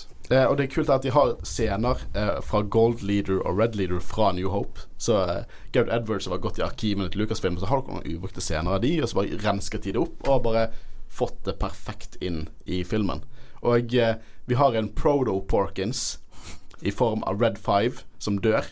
Og gjett hvem det er som tar opp det call-signet etter han. Red Five. Det er vel eh, han der eh, Luke, det. Altså. Det er lille Luke, det. Så vi får egentlig en liten sånn forklaring til hvorfor han fikk Red Five, fordi at Proto-Porkins døde. Det er det eneste jeg har lurt på helt siden jeg så New Hope. Hvorfor får han Red Five? Hvorfor ikke Red One eller Red Endelig fikk jeg svaret på det. uh, og vi får jo se at uh, Blue Squadron prøver å komme seg gjennom skjoldet før de lukker uh, porten. Og grunnen til at Blue Squadron er med her For originalt så så skulle egentlig Luke sin eh, squadron i New Hope være Blue Squadron. Men når de viste fargen blå på liksom, bildene, så ble det svart. Så de måtte endre det til Red Squadron. Så at er Blue Squadron med i Rogue One er på en måte referanse til det som skulle egentlig vært i New Hope. Så de prøver å komme seg gjennom der. Uh, og en liten skvadron med noen U-Wings X-Wings klarer å komme seg gjennom, med Blue Leader på en måte i ledelsen. Så nå har de på en måte den lille skvadronen de hadde joinet opprørerne som kjemper nede på Scariff, mens en stor spacefight på utsiden. Uh, og nå får jo K2 endelig en blaster. Endelig. Og du får den scenen at han sier sånn Jyn, du fortsetter å overraske. Og alt K2 hadde hatt lyst på, var en blaster. Han fikk ikke en blaster. Hvorfor tror du han ikke fikk en blaster av Cassian? For han, vil, han, jo, han, forklarte jo det tidligere i filmen at han ikke fikk en blaster. Hvorfor får hun en blaster, og ikke jeg? Kan det være fordi at de er redd for at han har ja, det det, noen Kanskje, kanskje de, de, er litt nervøse for at han kanskje har noe i seg, eller at han plutselig kan falle ut av reprogrammeringen. Bodie får jo oppdraget nå til å koble seg opp til kommunikasjonstårnet for, for å kontakte Raddus opprørerne. For de finner ut at å, opprørerne er her, de har lukket eh, skjoldet. Vi må prøve å få sendt det ut istedenfor å hente det sjøl. Jeg må si at Riz Ahmed er så sykt god som Bodie. For han driver og forklarer til opprørerne. Vi finner, må finne en sånn eh, måte å koble seg opp der. Vi må koble til. Eh, master switch, alt det der. Han er sånn skikkelig sånn, Han samler tankene sine skikkelig hektisk. Jeg syns han er kjempegod i denne filmen. Han får ikke så mye å gjøre, men de scenene han er med i Sånn senere så skal han forklare eh, Admiral Raddus deal med planer og sånn. Og Når han begynner å snakke, så stopper han seg, lukker øynene, samler tankene sine, og så fortsetter han å snakke. Det er bare sånne smådetaljer. Jeg syns han er skikkelig, skikkelig god i denne filmen. Mm. Jeg håper han får uh, flere større roller uh, fremover, for han er, han er dyktig. Ja da. Uh, ikke Star, han får ikke, tror ikke han får så mange flere uh, roller i Star Wars, dessverre. da Spoilers til senere. um, og du får sånn sand. Du ser føttene til AT, ACT Walkers som bare tramper ned. Stormtroopers. Rebels som dør, flykter. Det er nydelig. Jeg blir så glad i hjertet mitt når jeg ser sånne bilder som dette. Og uh, Pow, den ene alien som er opprørende her, han kaller Han roper ut at at når han ser AT-ACT-ene. Og det er jo en stor konflikt eh, i fandomen. Er det at at eller AT-80? Mens Pablo Hidalgo har basically sagt at i Star Wars-universet så er det forskjellige folk som uttaler ting forskjellig. Aha, ja. Som er en god forklaring. For min del så blir det 80-80. Det er for meg det er 80-80. Så det er akkurat som den ekte verden. ja, det er jo en god forklaring. Hvorfor diskuterer vi sånne ting? Uh, men det er helt klart 80-80. det, det er helt klart 80 Jeg husker Mark Hamill fikk spørsmål i et intervju om at uh, hva om Mark Hamill fant jorden? Eller Luke Skywalker fant jorden? Altså planeten vår. Ja. Tenkte det, da. Da alle sier forskjellige ting. Nei, i forhold til at uh, karakteren og universet og jorden eksisterte. Nei, jeg tror det Altså, det er jo et ganske stort univers. Kanskje om Mark Hamill er Luke? Har du riktig alder? uh, men vi får jo se at, soldat, at uh, Base de prøver å skyte ned en AT, ACT, og så klarer de ikke det. Og så kommer plutselig Blue Leader og bare sprenger opp AT, ACT-en. ruller ikke av tungen. Men jeg liker at da begynner alle bare å juble på bakken, og det smilet til Blue Leader med den fine barten sin Han er bare så glad. Han er så glad for å hjelpe dem. Det er sånn kameradskap i denne konflikten. Jeg digger det. Jeg bare elsker smilet. Hva er det smilet til han? De reagerer ikke noe på smilet. Han er bare så glad. eh, nå får vi se Spice Fighten igjen, og Tie Fighters bare svermer ut med den. Det var mer Chewbacca. Ja, altså, Forrige gang du gjorde dette òg, så var det Chewbacca. ja, den der. Det har vi den. Og det er så kult å se det igjen. Og det er på en måte pilotene som sitter inne, og det er her uh, Red 5 dør, da. Uh, men uh, Tie Fighters Tie Fighters er awesome. Mm -hmm. Og i hvert fall når det er jævlig mange av de. Og det er jo sånn de funger fungerer. De er ikke like bra som X-Wings, men det er jævlig mange av de. Litt som Battle Droids, egentlig.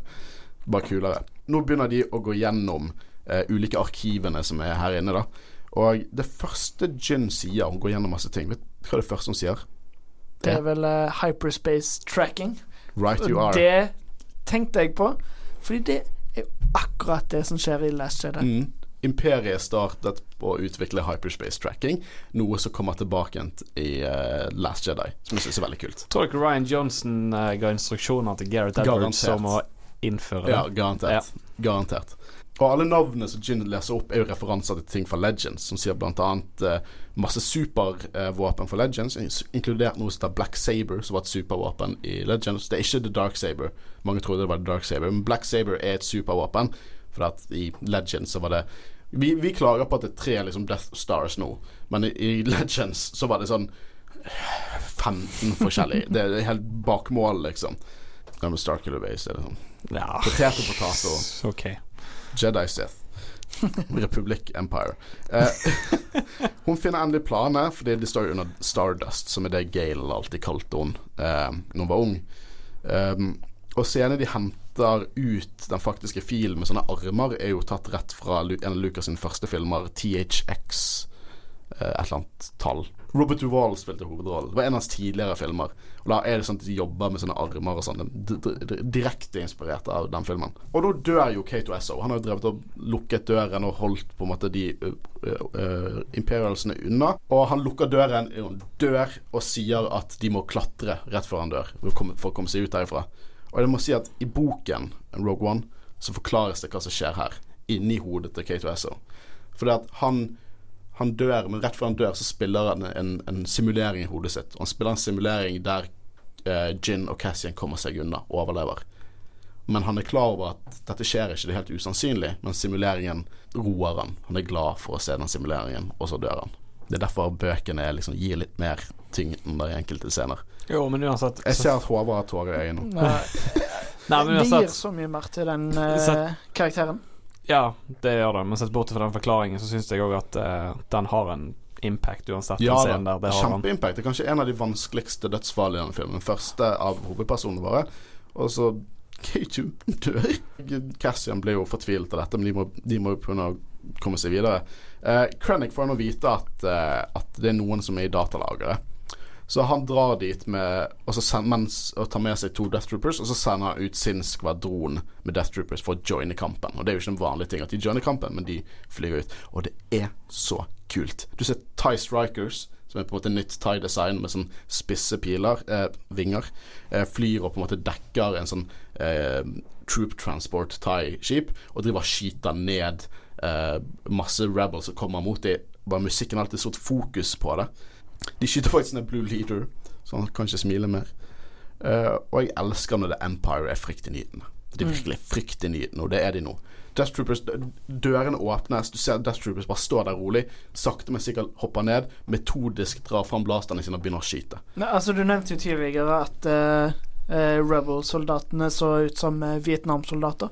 Dette er òg nesten liksom Det minner om eh, sånn typisk eh, krig fra jorden, da. At eh, folk lander med helikopter og, Ja og så land. Det ser skikkelig kult ut. Og de Det- Death Trooperne de begynner bare å meie ned soldatene. Mm. Me er ikke forfriskende å se noen stormtroopers som virkelig kan gjøre ting. De meier ned alle. Melshi, alle stormtrooperne Eller opprørerne. De klarer ikke å nå switchen. Disse går, Death Trooperne våre går, holder de nede og bare skyter alle som prøver å komme fram. Jeg vet ikke om jeg nevnte det, men jeg elsker Death Troopers. så de klarer jo ikke noe av master switchen. da Det ender med at alle opprørerne der dør. Det er, Bo det er eh, Base og Chirrut er der. Så Chirrut finner ut at han skal prøve eh, å komme seg ut. Så han går sakte mot switchen mens han chanter til The Force. I'm with the Force, the Force is with we, osv., osv. Nydelig scene. Death Trooperne skyter det fortsatt, men han klarer å nå switchen. Han trykker den på, og så dør han. Tror du det er derfor at eh, Stormtrooperne er så ubrukelige i originaltrilogien? At det er ikke bare fordi de har plott armor, men fordi altså Luke og de andre har liksom kraften rundt seg, sånn at de bommer med vilje? Uh, potet og potato, plot armor, The Force. Det er liksom Det, det, det er Jeg liker tankegangen, men Hvis vi virkelig skal forklare det, er jo maybe.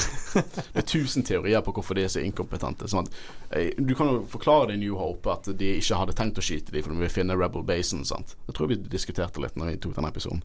Det føles som det er flere år siden vi begynte dette her. Ja, men skal vi fullføre det vi startet? Hey. uh, nå begynner jo Uh, Nå begynner jo Base løper ut, for han er død, da. Og det ender med at Chirrut dør i armene hans og sier sånn Du vil finne Bare følg veien, du finner meg in Force. Og Base begynner å chante The Force også. Jeg syns det er veldig hyggelig av Death Trooperne å gi de det øyeblikket, for de bare slutter å skyte. Tror de sitter der bare sånn Åh. Mm. Det var litt trist. Eh, så det jo denne scenen ender jo med at Base går ut i en blaze of, of base går ut i en base of glory. han begynner å skyte Death Troopers og ender med at eh, de dør, og han dør. En granat. Og da har jo denne duoen dødd. Imens så har, eh, har jo eh, Bodie fått tak i Raddus og på en måte Vi må få ut planer og alt dette her. Og så dør jo han eh, av en granat. Men han har på en måte De har kommet gjennom til Raddus, i hvert fall. Skjoldet de, de, har kontakt med Raddus, de må få ned skjoldet sånn at de kan sende ut. Så dør Bodhi. Da da har vi bare to karakterer i hovedpersonen igjen. Vi har, vi Cassian og vi har Gin. De bestemmer seg for å klatre mot toppen eh, av Citadel-tårnet for å overføre filen til Raddus. Eh, og de blir stoppet av Krennic og to Death Troopers. Og det ender egentlig basically med at uh, Cassian er ute av bildet, og uh, to Death Troopers dør. Jeg syns det er litt slapt. De blir Og Krennic uh, prøver å fortsette å, å, finne den siste opprøreren. Han vet jo ikke hvem det er ennå, så klatrer opp igjen med planene. Raddus har jo fått kontakt med Bodie før han døde, og så finner han en genial plan han sier bare Fordi at en av disse Star Destroyerne er tatt ut av commission, den på en måte flyter i space, så har han en genial plan. Han skal få en Hammerhead Corvette til å gjøre noe spesielt. Og Hammerhead Corvettes er et spesielt skip, og det er veldig big deal at de er med i, i uh, denne filmen. For det stammer fra spillet Nights of the Old Republic. Der var det et design. Og jeg det er jo Legends, det er jo ikke Cannon nå, men de tok med Hammerhead Corvette som en stor referanse til de fansene som har spilt Nights of the Old Republic, som er et veldig elsket Star Wars-spill. De var med i Rebels et par uh, måneder før filmen kom ut. Der liksom forklarte de hvordan de fikk disse gamle Hammerhead Corvettesene, og vi får se de i aksjon nå. For det de gjør at de kjører dette inn i Star Destroyeren, så pælmer ned i en annen Star Destroyer, som igjen pælmes ned i skjoldgaten, og skjoldet åpnes. Jeg elsker scener. Det, det er bare Bring in the Hammerhead Corvette, og så bare kommer du og filmer det, og så ser du litt inn i cockpiten at de bare kjører inn i Star Destroyeren og dytter det mot en annen. Jeg digger det. det, det og det er så små sånne dette, dette, hele filmen er kjærlighetsbrev til all canon og legends og alt. Det er så bra. Jeg elsker denne filmen. Jun eh, eh, er jo litt sånn Hun får, har litt sånn stress. Litt sånn videogame-stress, egentlig. Sånn parabol er ikke i riktig posisjon, og så må hun bort til et annet sted som er vekke fra kontrollet for å realigne parabol, og så kommer en Tie Striker som prøver å stoppe henne. Eh, og så endelig, når hun kommer seg fram, så dukker Krennic opp og spør sånn hvem faen er du? Hvem faen er hun? Hun bare dukker opp over alt, alt han er, og prøver å liksom gjøre alt i sin makt for å stoppe henne. Og så sier hun hvem hun er. Datteren til Lyra og Gail Erso. Og så sier hun You have lost. Som er kult, for før Lyra døde, sa hun You will never win. Før Gail eh, døde, sa til, sa han til Krennic You will never win. Så sier datteren You have lost. Og det er kult her er at hun, hun, har jo ikke gjort noe ennå. Hun har jo ikke klart å få ut planene. Det viser litt, litt sånn klisjé-dodge, for at Krennic er klar over det. Han bare sånn Parabol der er jo ikke skikkelig. Du har ikke fått sett det ut. Liksom, du, jeg har bare tapt tid. Men Cassian er skytterspiller likevel. Han kommer, skyter Krennic ned, og de klarer å overføre planene til Raddus. Tarkin og Death Star kommer jo ut av hyperspace nå. Og da har vi der, den scenen du snakket om. Liksom at Death Star kommer bare sakte over horisonten. Veldig, veldig kul scene. Imens tar Gin og Cassian heisen ned. Det virker som de ikke har skjønt litt at de kommer til å dø her. Og så sier Tarkin You may fire when ready. og han er jo veldig kalkulerende, veldig matematisk. Han skyter jo på en keiserlig base, og de mister masse struktur, blueprints og masse troopers og sånn. Men det er jo det som er Tarkin. Liksom, Tarkin har drept sivile fordi han føler at det er den mest logiske tingen. Han tenker logikk, han tenker liksom ikke så mye på arbeiderne sine. da eh, Krennic tok jo i hvert fall og, og fjernet alle Imperials fra Jedda før han ødela den planeten, så kanskje uh, Krennic hadde litt sånn god moral der inne. Og det er jo ganske morsomt òg, fordi når eh, Death Star skyter, så treffer liksom akkurat på tårnet der Krennic er. Synd på Krennic, for Krennic er jo ikke død. Han bare åpner øynene sine, så det som stirrer på han, er liksom bare hans baby. Altså, hans prosjekt i 20 år, og han dør før planeten blir truffet. Det bare treffer det lille tårnet han er på, og så treffer det planeten. Drept av sin egen kreasjon. Ja. Det er poetisk og det er passende. Mm. jeg syns litt synd på Krennic. Aner dere hvor mye han har vært gjennom for å klare dette her? Nå dukker jo Vader sin Star Destroyer opp fordi at uh, Rebel-opprørerne skal på en måte komme ut. Og han kommer i sin uh, Star Destroyer som heter The Devastator, og bare pælmer inn i uh, opprørerbasen. Opprørerne som prøver å komme seg vekk og begynner å skyte på The Profundity, liksom uh, Radis et skip, og få det ut av uh, commission. Og de skal borde skipet, for de vet jo at planene har blitt sendt dit nå. Uh, Gin og Cassian de dør på stranden. Og vet du hva jeg elsker? Det er veldig liker den scenen. De dør, de bare klemmer hverandre og dør. Han sier at eh, faren hennes hadde vært stolt over henne. Og så um, dør de. Det er ikke noe love plot. Det er ikke noe påtvunget love plot. Det er så mange filmer. Det er til og med Av og til du kan tenke deg at de, sånn de er i heisen og ser på hverandre at de kan kysse, men det er ikke det som går gjennom hodet deres. De vet de skal dø. Så jeg elsker at de bare ikke tok fristelsen og bare kastet inn et unødvendig love plot mellom de to. Altså, Ja, jeg er helt enig. Nå Nå, gutter. Kom med en av de mest episke Nei, vent, vent. Det krever mer enn det. Ok. For at Vader eh, Han skal jo borde skipet. Og du, du ser at inni skipet, The Profundity, så er jo operaene helt uh, desperate. Og de må laste ned planen, og de bare får det videre. De er inne i en mørk gang. Mørke. De kommer seg ikke gjennom døren. Pusting. Folk snur seg.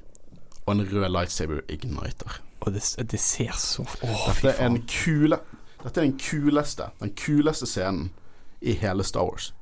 Alt bøker, tegneserier, filmer, spinnerfilmer, serier. Dette er den kuleste scenen i hele forbanna Star Wars. Og en last entry, bare for å merke det. Denne her scenen ble ikke lagt til før etter post Jeg er så glad vi lagt til. For opp til nå kan du tenke at dette var en kul Star Wars-film. Og så bare sånn Oh my god! Det er Vader som bare går amok i en gang. Og jeg synes hva som er kult, for vi vet at Vader er en scary dude. Men i alle filmer vi har sett Vader, så har vi bare sett hovedpersoner reagere til han. Eller offiserer. Vi har aldri sett den vanlige liksom average Joe rebel-soldaten bare se denne liksom cyborgen bare gå amok på dem. Han bare løper gjennom gangen, liksom tar alle våpnene fra dem, kveler folk. Force chokes. Det er ikke bare lightsaber use. Det er så kult. Ja, og det, det er ikke sånn Det er Darth Vader, originaltrilogi Vader. Det er ikke sånn dansingen for prequels. Det er bare Darth Vader som går amok på, eh, på eh, Rebel-soldater. Og det er en jævla skrekkfilm i mørkgang. mørk gang. Og disse folkene Operaene er jo helt desperate, liksom. De, han kommer seg gjennom døren og gir planene videre til en eh, Han holder hånden gjennom døren, gir planene videre til en som løper vekk, og så tar Vader og åpner døren med han og lightsaberen gjennom døren. så han stikker lightsaber gjennom fyren og døren, så åpner døren seg. Og så er det en fyr som roper bare liksom som han skal dø. Launch! og da løper Gareth Edwards ut og launcher skipet. Det er Gareth Edwards. eh, og så eh, flyr det Tentivive 4 vekk. Altså Tentivive 4 fra New Hope, eh, Leia, C3PO og alle på. Og Vader står der liksom jeg skjønner ikke hvordan han står i space, basically, med stormtrooperne. Men det ser veldig kult ut, og så flyr eh, det vekk. Denne scenen Jeg vil høre dere snakke mer om denne scenen. Hva, hva betyr denne scenen for dere? Altså, første gang jeg så han, så, så tenkte jeg akkurat det du sa.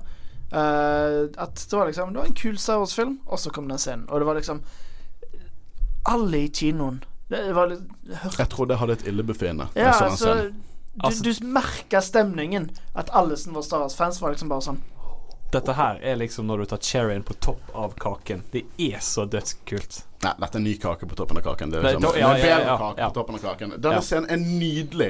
Eh, Det er ikke min favorittscene fra sagaen, men den kuleste scenen. Det sånn, Hvis jeg vet at jeg skal dø om fem minutter, så går jeg på YouTube og setter på den scenen, sånn at jeg får oppleve det en siste gang. Det er så mye den scenen betyr. Elsker den scenen. Elsker Vader. Elsker reaksjonen. Liksom, ingen annen skurk i Star Wars har noe å si. Vet du hva? Kylo Ren, du er veldig badass, du leker bare i forhold til bestefar. Altså, du, bare, du, du bare leker i forhold til ham. Å, jeg likte at du kalte han bestefar. Men nå får vi se eh, inn på uh, 10TV4, og vi ser den hører den klassiske musikken fra The Sheeper. de løper rundt. Uh, Captain Antilles tar planene, gir det til en, en dame på en måte eh, som helt klart er Leia. Vi snur seg bare 'Hva er det vi har fått?' Og så sier hun 'Hope'.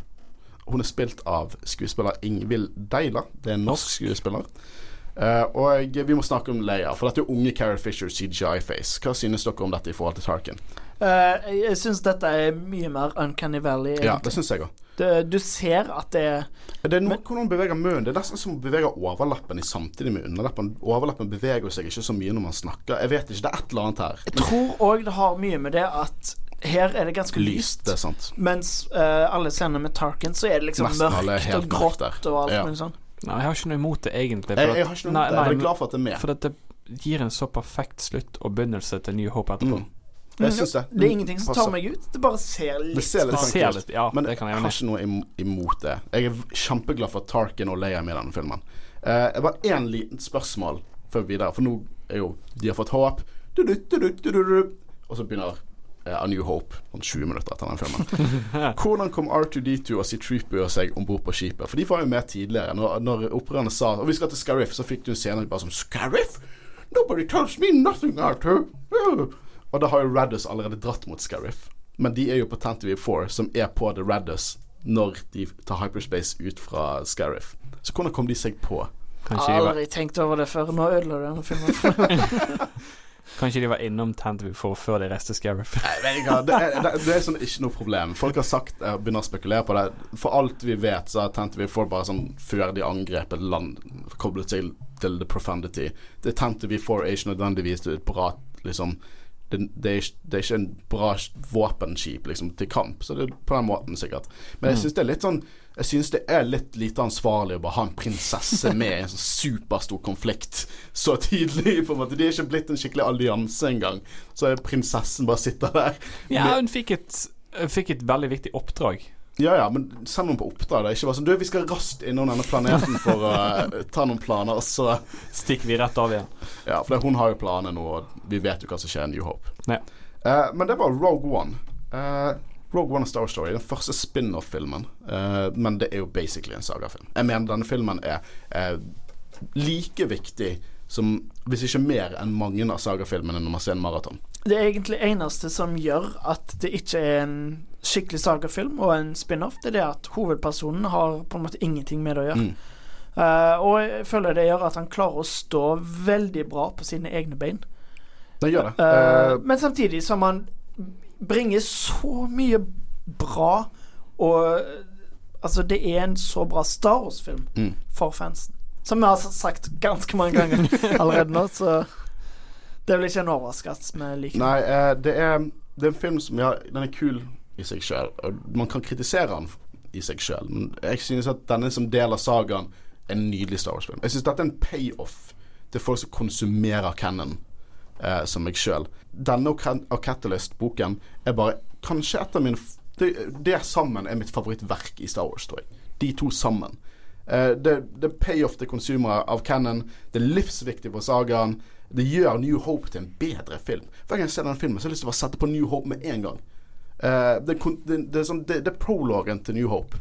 Jeg elsker den filmen. Designet, mentaliteten liksom, Det er 70-talls eh, eh, visueller. Som bare barten og hårene. Liksom, 70-tallet. Death Troopers er det kuleste fuckings konseptet som eksisterer på denne jord. Eh, Vader eh, som du får se på en måte liksom sinnet og frykten og alt rundt Vader. Jeg elsker denne filmen. Jeg forguder denne filmen. Den er helt klart min favoritt i den Disney-æraen. Dette er min Empire først for meg, så er det Rogue One. Det, det er sånn min rekkefølge går. Men Christian, hva syns du om Rogue One? Jeg har absolutt ingen anelse om hvordan jeg skal Altså, jeg er enig med alt dere sier. Jeg vet ikke hvordan jeg skal si noe mer annet enn at jeg syns det er en veldig fin oppbygging til New Hope. Det er godt sagt. Jeg lar det være der. Det, det er bra. Det er bra at jeg ikke liksom, Jeg kan ikke gå litt amok her. Jeg elsker, nei, jeg elsker den filmen, jeg òg. Ja, men det er bra. Det er bra. Eh, det har vært veldig gøy å researche denne filmen. Men eh, det var Rogue One A Star Story fra 2016. Dere må følge oss på Instagram og, og, og Facebook, syns jeg. Og si fra til eh, Hvis du har noen venner som liker Star Wars.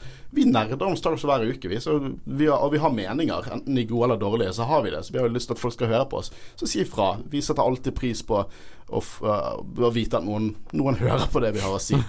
um, neste uke er jo det faktisk uh, Last Jedi.